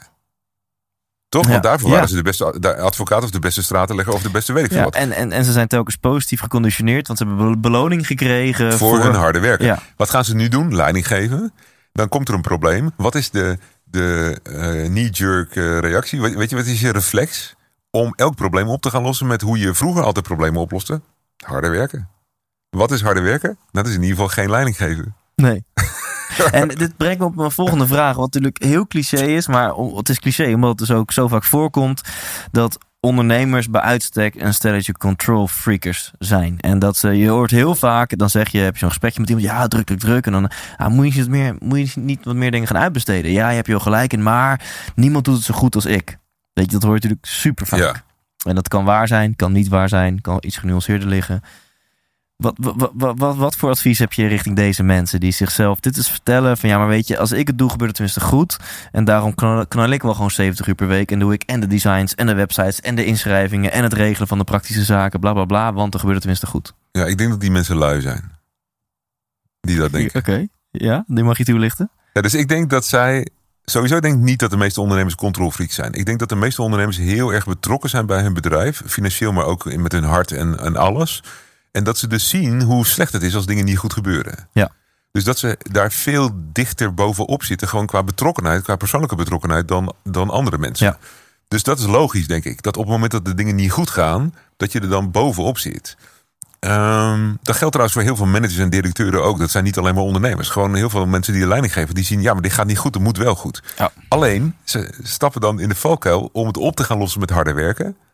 Dus ze leggen hun focus, hun, hun perfectionisme op het klusje wat moet gebeuren. Of de offerte die verstuurd moet worden. Of de foto die gemaakt moet worden. Of, of de inschrijving die gedaan moet worden.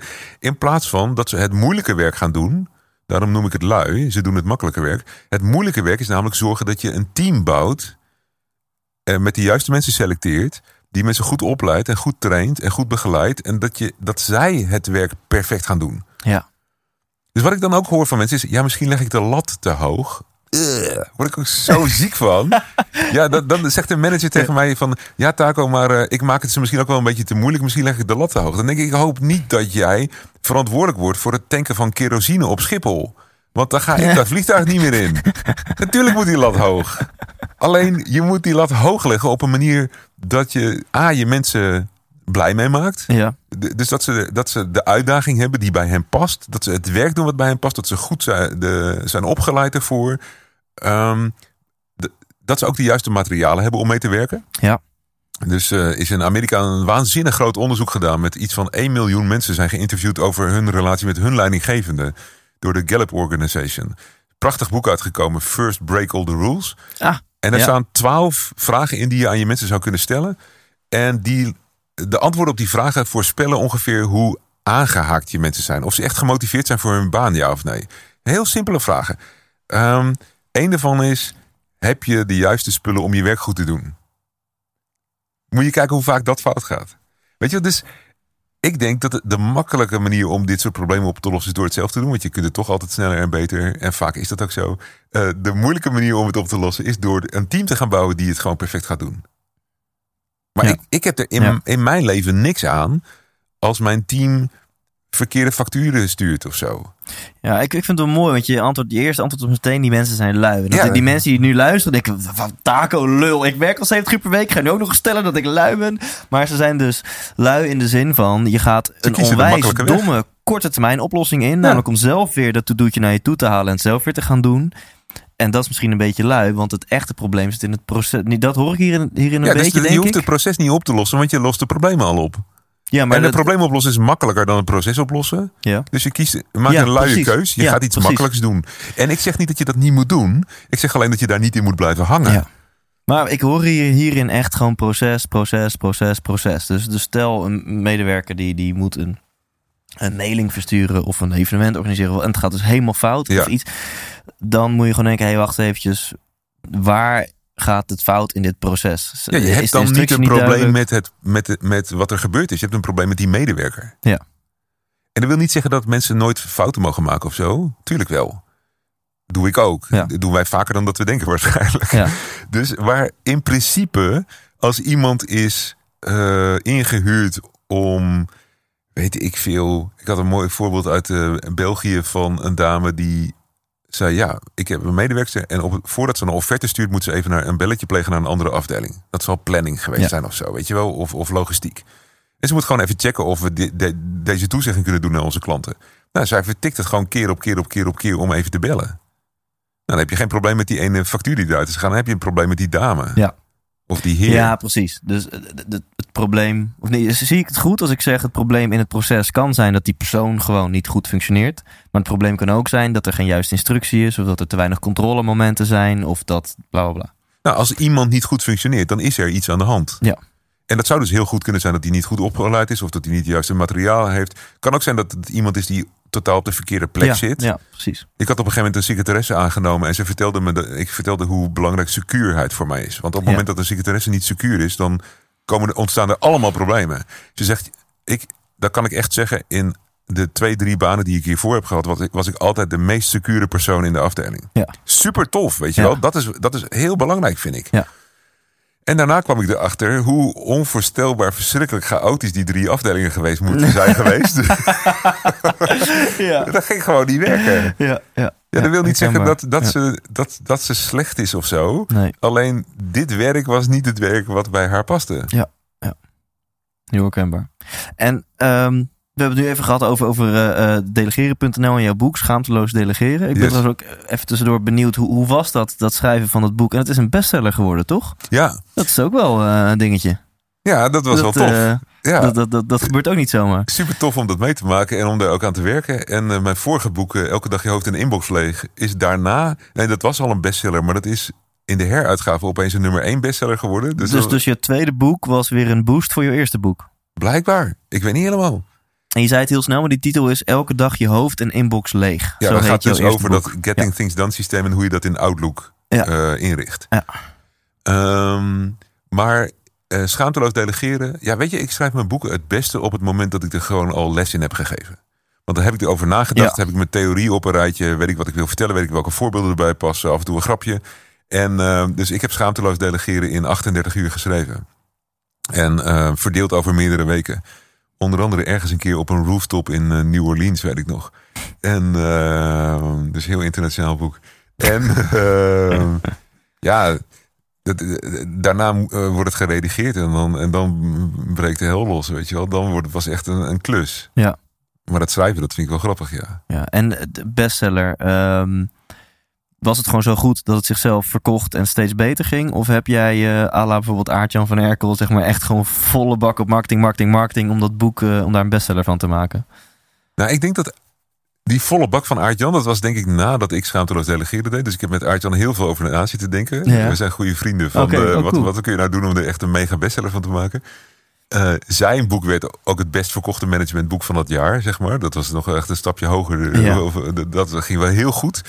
Ehm, maar ik had wel al een behoorlijke lijst. Met mensen die mij volgden, die mijn artikelen lazen. Ik ben in de tijd van Meereffect ben ik begonnen met het schrijven van... eh, nee, in de tijd van mijn eerste software development bedrijf... ben ik begonnen met het schrijven van artikelen. Dat deden we toen nog elke maand. Ja. E-mail sturen, nieuwsbrieven en zo. Ja. Bij Meereffect eh, zijn we daarmee doorgegaan. En een heel aantal van die mensen zijn met mij meegegaan. Ik heb Meereffect op een gegeven moment verkocht. En ben toen met extreem productief verder gegaan. Dus heel veel mensen, eh, vijf, zesduizend of zo, zijn meegegaan. En in de tijd dat we eh schaamteloos delegeerden publiceerden... kon ik hen natuurlijk ook enthousiast maken. Ja. Dus ik had sowieso al 50 meelezers die allemaal manager waren. En die eh, me eh, commentaar gaven over mijn boek. Eh, dat helpt natuurlijk heel erg om het boek beter te maken. Ehm, ja, wat heeft het? 4,5 ster op Bol en 4,5 op managementboek. Dus ik kan niet zeggen dat het dan een slecht boek is, weet je wel. Dat, Nee. Ehm, maar datzelfde geldt natuurlijk voor Aart-Jan. Je kunt heel veel marketing steken in een boek wat eigenlijk niet goed is. Dat gaat nooit werken. Je kunt met marketing niet slechte Nee. diensten oplossen of zo. Nee. Nee, dat is, dat is waar. Ik denk wel dat een middelmatige dienst met briljante marketing eh, succesvoller wordt dan een briljante dienst met middelmatige marketing. Ja, dat is snap niet, ik niet, dat je niet dat gehinderd zegt. door enig onderzoek, want dat is, dat is puur in mijn persoonlijke ervaring als, als ondernemer en, en, en spreker en eh, alles. Eh, ja, is- marketing toch wel eh, de, de key om iets eh, next level te krijgen. Eh, Zeker, ja. Dus dat is een van de dingen die ik bij mezelf dan merkte. Dat ik als ondernemer heel erg met de inhoud bezig was. Er zijn heel veel ondernemers, denk ik. Ja. Zoals die man die je vertelde die dan eh, keer zes ging met zijn omzet. Dat was van eh poeh, 600.000 naar 3,5 miljoen of zo. Dus bijna keer zes. Ja. Zij stansen. Is gewoon industrie. En, eh, of, of eh, ik, ik weet niet in wel- in welke categorie dat hoort. eh, maar zij stansen Stans- leer en, ja. en, en, en plastic en, en weet ik veel wat allemaal. En ja, het is gewoon een vakidioot.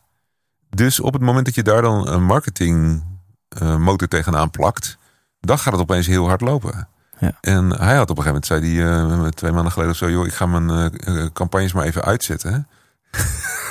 Wauw. We hebben te veel nieuwe klanten. En dat is een mooi linkje naar het volgende. En daarna moeten we al, al bijna gaan afronden. Maar als we het hebben over bedrijfsgroei, dat, dat is jouw, eh, een van je huidige businesses. Bedrijfsgroei.nl. Ja. Lekkere URL trouwens ook. Leuk hè? En eh, nou, jij helpt ondernemers zoals dit bedrijf dat stanst om gewoon maal 6 te gaan. Ehm, er zijn denk ik heel veel bedrijven, ondernemers die, ehm, ja, die denken, nou volgens mij heb ik best oké personeel. Volgens mij heb ik mijn processen redelijk op orde. Ehm, mijn marges zijn wel oké, maar het kan allemaal veel beter. Ik wil gewoon groeien. Ik wil meer klanten. Ik wil grotere klanten. Ik wil langdurigere klanten. Ehm, dat, dat is toch wel vaak het, het, hetgene wat, ja, de grote wens. Hè? Hè, Dat is mijn categorie A-klant. Daar heb ik er nu drie van. Daar wil ik er wel dertig van Ja. binnen nu in vijf jaar. Ja. Dus misschien een hele generieke vraag. Maar heb je daar wat, wat tips voor? Nou ja, ook daar zie ik dus, net als wat we eigenlijk net een beetje zeiden over eh, leidinggeven, dat er relatief weinig eh, echt over nagedacht wordt. Dus ik zie relatief weinig ondernemers die heel bewust bezig zijn om te zeggen: oké, we moeten een plan gaan maken om dit bedrijf te laten groeien. Terwijl ik denk dat het heel belangrijk is. Eh, ik denk namelijk dat de meeste ondernemers die eh, lopen in de tredmolen mee in hun eigen bedrijf. Dus zijn, eh, zitten gewoon met de neus op Ja. de dagelijkse operaties. Dat betekent dat als ze uitvallen, dat je je nog maar af moet vragen hoe dat gaat met het bedrijf. Dus een van mijn klanten die zakte in elkaar op vrijdagmiddag op kantoor. Werd afgevoerd met de ambulance. Eh, drie weken later kon zij naast de medewerker een kwartier met hem overleggen. Drie weken later. Hij was drie weken weg. Zo. Ehm, en eh, hij was uiteindelijk drie maanden was hij in het ziekenhuis. Ja, ik gun dat niemand. Maar stel je, een andere klant van mij die werd opeens verliefd. En die ging gewoon een, een jaar eh, de wereld rondreizen. Weet je wel? Dus er kan zoiets gebeuren. Ja. Ik denk dat heel veel bedrijven daar echt gaan piepen en kraken. op het moment dat de ondernemer zelf er niet is. Dus dat is onwijs onhandig. In een start-up heb je dat. Ja. Ehm, maar ik denk dat het handig is om daarna daar zo snel mogelijk uit weg Ja. te, te, te. Maar dan zul je moeten groeien. Ja. Dat is ook belangrijk voor je pensioen. Dus eh, de AOW, daar, waar iedereen nog op rekent. Nou ja, over 20 jaar of zo, dan hebben we twee werkenden per AOW'er. We hebben er nu vier. Dus een gat van 25 miljard per jaar. Ik weet niet hoe jij denkt dat we dat gaan oplossen. Maar ik denk dat de zekerheid van de AOW misschien nog wel eens een beetje. eh, Nee, ik, ik, ik ga er niet eens vanuit dat dat er is. dus dan moet je het zelf eh, sparen. En dan heb je nog alle moderne medische technologie. Dus dan, ik, ik zie dan voor me dat ik een pensioenpotje heb. En dat, dat houdt het vol totdat ik 97 ben. Want dan heb ik het opgegeten, weet je wel. En dan ben ik 95. En dan ben ik nog knalgezond, weet je wel. En dan denk ik, oh, ja, hoe moet het nou over drie jaar, over vijf jaar? Stel je voor dat ik er dan nog ben, dan is mijn geld op. Wat moet ik dan? Dus ik denk echt dat dat, dat zijn dingen waar zijn we weinig over aan nadenken als ondernemers. Is logisch, want dat vinden we niet leuk. Ehm, maar groeien is daar best wel belangrijk voor.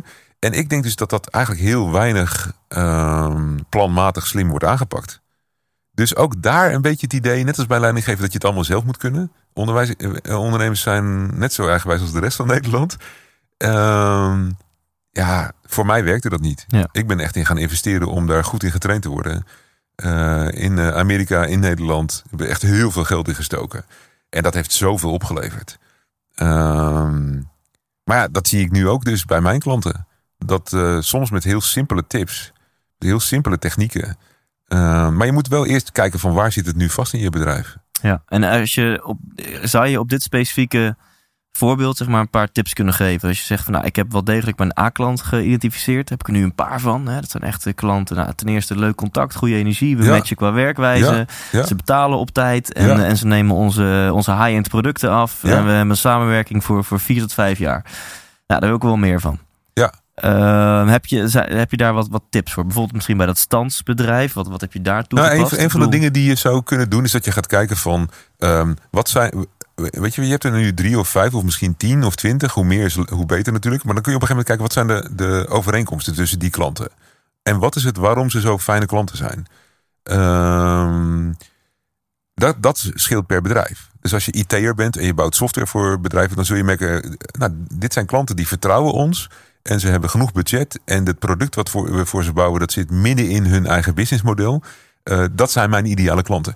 Dan ga je op basis daarvan ga je kijken van nou, hoe kan ik meer van dat soort mensen bereiken? Waar vind ik die mensen überhaupt? Dus um, en dan ga je eigenlijk van achter naar voren een soort strategietje bouwen. Ja. Om te zeggen van oké, deze klanten heb ik blijkbaar al overtuigd. Maar wat was de stap daarvoor? Wat was de stap daarvoor? Wat was de stap daarvoor? Wat was de stap daarvoor? Wat, wat was dan de eerste uh, contact dat we hadden? Dus een van mijn klanten is rentmeester. Heeft een rentmeesterij, heet dat zo? Hij is rentmeester. ja. En, uh, en uh, heeft een makelaardij. En hij vertelde dat ze uh, dat hun leukste klanten zijn de klanten die bijvoorbeeld een kasteel hebben met een landgoed eromheen, waar ze alles uh, ze aan sores uit handen kunnen nemen. Alleen op het moment dat een familie een kasteel heeft, hebben ze waarschijnlijk een rentmeester. En de volgende generatie blijft waarschijnlijk bij diezelfde rentmeester. De volgende generatie ook. Er is een enorme uh, goodwill tussen die rentmeesters ook. Dus, dus daar wil je niet in. Je wil niet op een of andere. je, je wil niet mensen bij een andere rentmeester gaan weghalen. Want zo werkt die cultuur niet. Um, ik zeg maar, wie zijn nou de mensen die, eh, die nieuw zijn en die kastelen kopen? Weet je, ik kan me voorstellen dat er Russen zijn die heel veel geld hebben, of, of, of weet ik veel, Amerikanen of zo. Nee, dat zijn bijna allemaal Nederlanders, zegt hij. Maar dat zijn bijna allemaal ondernemers die een heel goed draaiend bedrijf hebben. En die op een gegeven moment denken: ik ga dit kasteel kopen en daar ga ik ofwel mijn kantoor vestigen, of daar ga ik wonen, of ga ik weet ik veel wat doen. Die mensen hebben nog geen rentmeester die hebben nog geen idee wat ze allemaal te wachten staat op het moment dat ze zo'n kasteel gaan kopen. Hoe kun je die mensen dan gaan bereiken? Dus daar, daar begint het spelletje dan. Ja. En vervolgens, wat ik denk ik, in de marketing hoor je de term what's in it for me vaak. Ik, dat voelt voor mij een beetje negatief, alsof mijn klanten alleen maar bezig zijn met wat voor hen uh, belangrijk is of zo. Terwijl ik denk, ja, maar mijn, echt letterlijk mijn klanten, de ondernemers waar ik mee werk, die zijn allemaal begaan met hun personeel, met hun eigen familie, met, met hun klanten. Weet je wel, dat, het, klinkt een beetje kleinzielig, wat in it voor me. Dus ik ben uitgekomen op your why, my why. Dus als jij meer van die ideale klanten zou willen, dus hij wil bijvoorbeeld dan meer uh, potentiële kasteeleigenaren. Uh, wat is dan hun why? Waarom zouden zij klant willen worden? Wat is voor hen belangrijk? Wat helpt het hen? Waar, waar, waar, worden ze blij van? Waar willen ze voor betalen? En wat is your why? En als je die twee samen kunt vinden, ja, dan heb je een beginnetje om een campagnetje te maken. Ja. En ook dan hangt het dus weer af van je profiel. Dus de ene ondernemer houdt van, eh, van netwerken en dat is helemaal zijn of haar ding. Ik hou van kennis delen, dus dat is mijn manier van marketing. Iemand anders die, uh, die, die, heeft misschien weer een hele andere aanpak nodig. Uh, er zijn natuurlijk een miljoen wegen die naar Rome leiden. Ja, dus de essentie is weer relatief eenvoudig. Je moet een plan hebben. Dan laat je al denk ik veel ondernemers achter. Want heel veel ondernemers hebben helemaal niet eens een plan. En als je dan gaat terugredeneren vanuit je huidige A-klanten naar het eerste contactmoment, dan weet je wat je te doen staat. En als je dat mengt met jouw karakterprofiel en wat jou wel of niet ligt. En, en dan, merk je dat het dus al best wel wat facetten krijgt, zeg maar. Ja, dus het is niet alleen maar je moet een plan maken. Precies. Je moet ook snappen wat werkt. Want als je een plan maakt en iets gaat doen wat geheid niet gaat werken, dat helpt niet. Dus zoals ik met ondernemers werk, ik, ik heb drie stappen. Het, de basis, het fundament van je bedrijf, de, de marketing en dan de, de verdere uitwerking en klanten verwennen. En in die basis zitten op zich alweer drie stappen. Namelijk wie ben jij, je profiel. Wat is nou eigenlijk het idee van je bedrijf en je businessmodel. En op het moment dat je um, in je businessmodel niet goed voor elkaar hebt. Dat je bijvoorbeeld te weinig verdient aan je klanten. Ja, dan kun je daarna in het marketinggedeelte kun je aan traffic of conversie of aan branding gaan werken. Maar dat heeft allemaal niet zoveel zin. Want je businessmodel klopt nog niet. Ja. Um, dus is, voor mij is het echt altijd een leuk spelletje om uit te zoeken. Wat, waar zit nou de bottleneck? Wat is nou hetgene waar het vast zit op dit moment? En laten we dat dan gaan fixen. Ja. En als je bottleneck uh, marketing, uh, een businessmodel is, levert heel andere plannen op dan dat je bottleneck conversie is. Ja. En wat nog misschien wel belangrijker is dat je de juiste mensen om je heen hebt die jou telkens kunnen motiveren en waar je mee kan sparren. Precies. En dan zou je misschien mee kunnen doen met de mastermind van bedrijfsgroei.nl. Nou ja, daar hebben we uh, de klanten die we het meest intensief helpen. Maximaal tien ondernemers. Ja. En die helpen we echt om hun uh, bedrijf succesvol in de volgende versnelling te zetten. Dus, dus je moet je best doen om überhaupt in aanmerking te komen om, om uh, op dat gebied klant bij jou ja, te worden. Ja, wij wijzen 40% van alle aanmelders helaas af. Ja. Omdat we gewoon het idee hebben dat we ze niet voldoende kunnen bieden in dat jaar. Ja. Dus als je, om allerlei redenen kan dat zijn. Maar als je niet in die groep past uh, qua enthousiasme, qua ambitie. Weet je, moet een stevige omzetten. We moeten je eigen team hebben. Ja, omdat natuurlijk ook een onderdeel van het product wat je levert zijn de peers, zijn de andere mensen ja, waarmee je. En, als je daar geen strenge selectie op toepast, dan gaat de kwaliteit van jouw product omlaag. Precies. Ja. Dus in de mastermind, en dat, dat haalt, eh, maakt voor ons werkplezier natuurlijk ook heel veel uit. Ja. Maar daar hebben we eh, meetings waar je elkaar inspireert en helpt en problemen oplost. Ja. Dus ik zat vanochtend, las ik nog een reactie van iemand die zegt: Ja, ik leg daar een probleem op tafel. En in plaats van dat ik twee, eh, twee oplossingen krijg, die ik zelf ook had bedacht, krijg ik er twintig. En sommige daarvan zijn veel beter dan wat ik zelf had bedacht. En een aantal daarvan die helpen me om het bedrijf echt de richting in te sturen waar ik het eigenlijk zou willen hebben. Weet je, dat, ja, dat, dat is het Ja. lekkere van met elkaar Ja. sparren. Ja, en kijk, je kan er vanop aangaan dat luisteraars van deze podcast, ja, die zitten natuurlijk allemaal bij die 60% die, eh, die toegelaten worden. Dat zijn alleen maar bijzonder intelligente, inspirerende mensen. Ja, superleuk. Dat is een van de, van de criteria, toch? Luister je de 100% inspiratie podcast? En als het antwoord daarop ja is, dan... eh, Dat moet je vooral naar themastermind.nl surfen. Ja, dat, oh, dus de, de mastermind van bedrijfsgroei.nl, dat is themastermind.nl. Ja, Jij hebt ook waanzinnige domeinnamen. ja, dit moet een beetje. Dat is mijn vak. Dat vind ik leuk. En nu we toch in het promotiegedeelte zijn beland. eh, De, eh, jouw boek, eh, Schaamteloos Delegeren. Ik denk dat, dat dat de leukste is om weg te geven aan mijn luisteraars. Heb ik nog helemaal niet aan je gevraagd. Maar Nee, we komen er ongetwijfeld uit dat we een paar leuk. van die exemplaren, laten we zeggen twee of drie, weg gaan geven. Leuk. Gesigneerd en wel. Ehm, dus in, ik, ja, ik verzin nog eventjes iets in de outro van deze aflevering. Komt, ik denk, thijslindhout.nl slash taco. Dat lijkt me makkelijk. Dat mensen daar even een e-mailadres achter kunnen laten. En dan kans leuk. maken op dat boek. Ja, man. Eh, en dan even een AVG-mededeling. Dan deel ik die e-mailadressen met jou. Dus als mensen op thijslindhout.nl slash taco hun naam en e-mailadres achterlaten. Ja, dan kom je ook eventjes op de mailinglijst van zowel taco als van mij. En dan sturen wij je inspiratiemails over delegeren en over het laten groeien van je bedrijf. Ja, dat doen jullie. Dat doen wij, ja. te gek. Ja, en dus, eh, steken we een hoop tijd en energie in en dan krijgen we heel enthousiaste reacties op. Dus, eh, Nou, dus je krijgt sowieso high quality e-mails met meer tips. Precies. En als je dat niet wil, kan je uitschrijven. Maar je staat ook op de lijst om een gesigneerd boek te winnen. Van, ja, leuk man. Nou, tot slot nog één vraagje dan. Het is wel half vijf, maar ik- denk dat vind ik nog wel Yes. leuk. Op vakantie ben ik ontzettend aan het brainstormen geweest over mijn eerste boek. Dat wordt een boek over, over geluk. Qua eh, marketing, sexy titels en zo, eh, daar ben ik echt nog lang niet. Maar eh, het moet een leuk, luchtig boekje worden over wat maakt nu dat mensen gelukkig zijn. En als we het dan over dit onderwerp hebben, laat ik gewoon even beginnen met een hele open vraag. En ik kan hem nauwer maken als dat nodig is voor jou om een antwoord te kunnen geven. Maar als ik hem heel open stel, is het welk verband zie jij tussen dit, nou ja, ogenschijnlijk de praktische lifehack-achtige tips, weet je, over productiviteit, over lege inbox, over bedrijfsgroei. Welk verband zie jij tussen, tussen deze tips eh, en werkelijk levensgeluk? Ja, voor mij is het heel duidelijk dat dat heel veel met elkaar te maken heeft. Ehm, omdat ik namelijk denk dat veel van die. Ja, ik kan ze allemaal langslopen. Maar kijk, ik denk, mijn filosofie, en die pak ik bij delegeren en bij bedrijfsgroei ehm, en bij extreem productief, is dat we beginnen bij wie je bent. En Ja. zelfkennis heeft volgens mij heel veel te maken met levensgeluk. Want op het moment dat je, hoe beter je jezelf leert kennen, hoe beter je ook je leven in kunt richten op een manier die past bij de dingen waar je energie van krijgt, waar je blij van wordt, waar je flow van krijgt. En een van de dingen daarbij is je passie. Weet je, wat ik vertelde over, ik ben bezig om te kijken waar kan ik een serieuze bijdrage leveren in het troubleshooten van armoede. Ehm, dat geeft mij meer levensgeluk als ik daaraan aan het werken ben, dan dat ik alleen maar eh, eh, belastingformulieren zit in te vullen of zo, om maar wat te noemen. Ja. En voor iemand anders kan het heel anders zijn. Dus dat begint bij wie ben jij. Ja. Ehm, maar als je dan vervolgens dus je hele leven geleefd wordt door je inbox en door andere mensen die dingen van je willen en alleen maar aan het reageren bent, dus heel reactief aan het werk bent, daar word je ook niet happy van. Ehm, als je leiding geeft en je hebt een team wat eh, loopt te kloten en wat niet eh, dus de, het niveau haalt wat je wilt en zo, ja, weet je, het zuigt allemaal energie. Dus ik denk dat het optimaliseren van dingen, ja, je kunt het ook vakmatigheid noemen of zo, weet je wel. Ja. Denk je dat een timmerman die, die echt de, de top is in zijn vak, dat die meer plezier heeft aan het, het maken van een mooi meubelstuk dan iemand die eigenlijk een beetje loopt te klooien? Ik Ja. denk van wel. Ja. Dus als je dan iets gaat doen, doe, doe, doe je best om het een beetje goed te doen. Of noem het anders een hobby en ga er Ja. gewoon van genieten. Dat is ook prima. Ja, plus, en nu word ik een beetje een onderzoeker die zijn hypothese wil bevestigen. Maar Ja. fuck it. Ja, kom Eh, op. we hebben het nu alleen maar gehad over dat levensgebiedje werk. Dat kan je Ja. zeggen werk slash persoonlijke ontwikkeling slash groei. Maar even, er zijn er veel meer, maar even platgeslagen kan je zeggen... je leven heeft drie gebieden. Eén is gezondheid, één is relaties... en één is dan je carrière, je werk. En ehm, we hebben het nu over die laatste bol gehad... Maar als je het daar beter voor elkaar hebt, als je daar ervoor zorgt dat je meer tijd overhoudt en dat je daar ook meer energie uithaalt, dan kun je veel meer tijd en energie steken in je gezondheid. Of het nou me-time, yoga, sporten, bewegen, wat ik voor wat is. En in je relaties met je liefje, met je kids, met je ouders, met je vrienden, et cetera.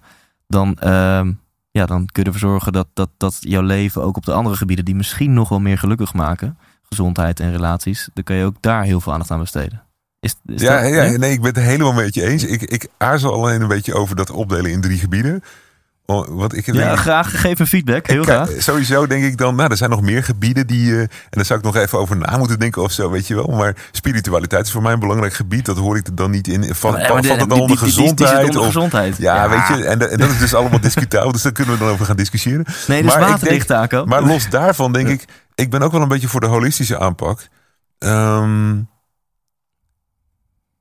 ik ben als mens in mijn werk ben ik dingen aan het doen. Ik ben als, men, als, als mens ben ik thuis dingen aan het doen. Ik ben als mens eh, dingen aan het doen als ik eh, aan het sporten ben of als ik in de sauna lig of zo. Maar het is allemaal dezelfde taco. Ja. Ehm, dus ergens, ik heb een beetje hekel aan om, om een soort van artificieel te parkeren van ja, maar eh, werk, dat is een, een subonderdeel van je leven, weet je wel. En eigenlijk is de rest belangrijker. Ehm, eh, ik, ik, ik voel dat in ieder geval Ja. niet zo, laat ik het zo zeggen. Eh, terwijl ik heb gewoon vrij hè, in het weekend Ja. en ik eh, werk mijn avonden niet. En dus ik hou een heel duidelijk onderscheid tussen werk en privé. Ehm, maar als het nou gaat over de waardering van mijn leven, dan denk ik nou, voor mij is het misschien wel het allerbelangrijkste als ik terugkijk op mijn leven, is dat ik denk dat ik mijn, een goede vader ben geweest voor mijn kinderen. Dat is, dat is denk ik, als ik ergens aan af wil meten, dan is dat het, denk ik. Ehm, maar ik heb niet het idee dat daarna allemaal nog privé dingen komen en dat dan helemaal onderaan een keertje mijn werk bungelt of zo. Daar is mijn werk voor mij toch te belangrijk voor of Ja. zo, denk ik. Ja, en, dan, en dan is werk een te klein woord. Want dan, eh, dat, het, het zit vermengd met je passie, met je missie, met je betekenisgeving. Het is met- een deel van wat ik ook in deze Ja. wereld te doen heb of zo. Wat Ja. ik wat bij wil dragen aan deze wereld. Ja. En ja, daar wil ik mijn brood mee verdienen. Want dat helpt me dan weer om goed voor mijn vrouw en mijn kinderen te zorgen. Ja.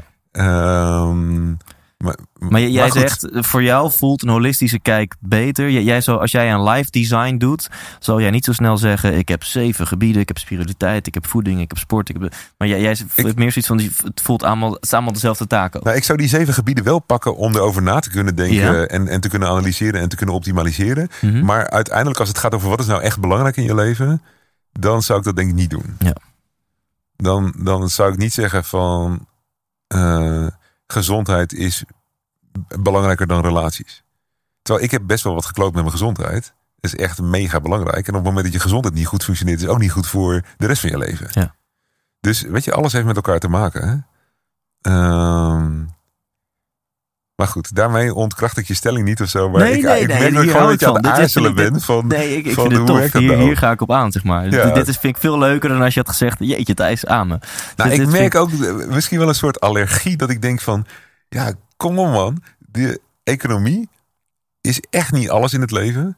Maar om nou te doen dat het niet belangrijk is, weet je, dat sommige ondernemers en zeker ehm, eh, eh, sommige ZZP'ers die eigenlijk meer vanuit hun, hun eh, privé passie aan het werk zijn dan dat ze aan het nadenken zijn van hoe bouw ik nou een bedrijf, kunnen ook een soort denigrerend zijn over geld verdienen.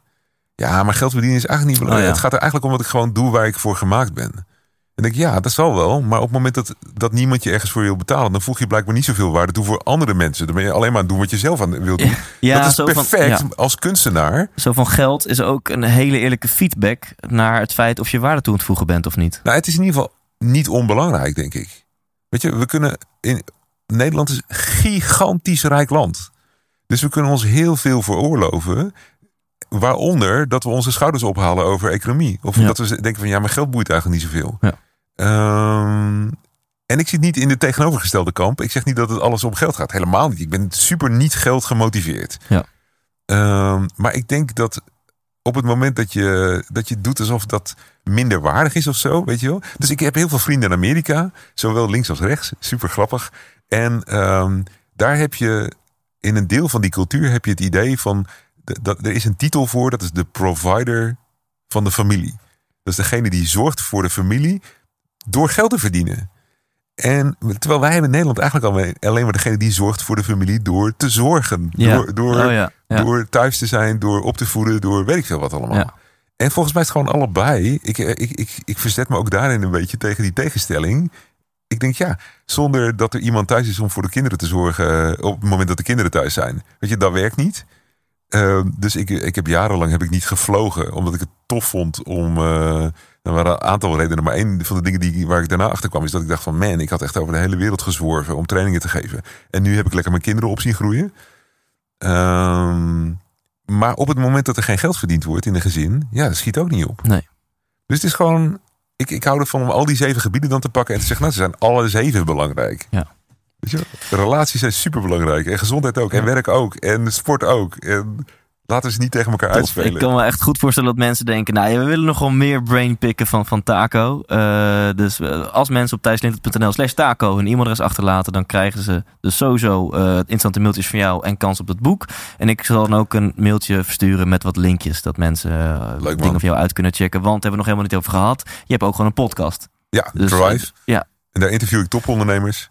Ik heb de 40 gedaan en toen vond ik het wel even goed. Dus uh, dat uh, Ah. staat op pauze. Ja. Maar die 40 die staan er. Die staan gewoon online, dus daar zal ik ook een linkje in zetten. Leuk man. Dankjewel. Thanks Taco. Ja, heel graag gedaan. Thijs, Bedankt, lieve luisteraar, voor het luisteren van dit interview. Als je dit hoort, ja, dan heb je uiteraard de aflevering eh, tot het einde geluisterd. En dan heb je denk ik gemerkt dat het misschien wel steeds beter wordt. Er komen steeds meer eh, interessante onderwerpen aan bod. Eh, het wordt misschien ook wel steeds persoonlijker. En vooral de link die ik zo interessant vind, dat is ja, de link naar echt levensgeluk, naar groei, naar, naar volledig 100% jezelf kunnen zijn in het leven. En ja, smaakt dit naar meer? Check dan thijslindhout.nl slash taco. Dat is T-A-C-O.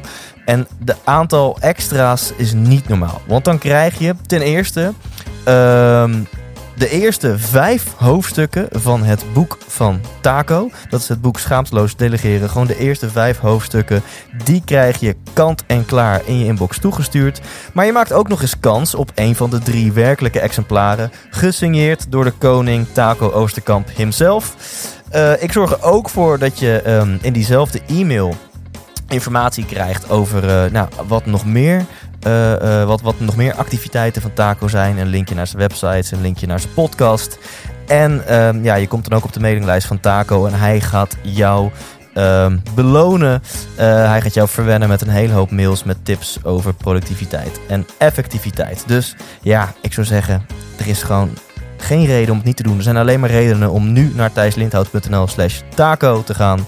Uh, maak kans op het boek, ontvang de eerste paar hoofdstukken en ontvang tips voor meer productiviteit. Tot volgende week, bedankt voor het luisteren en um, leef intens.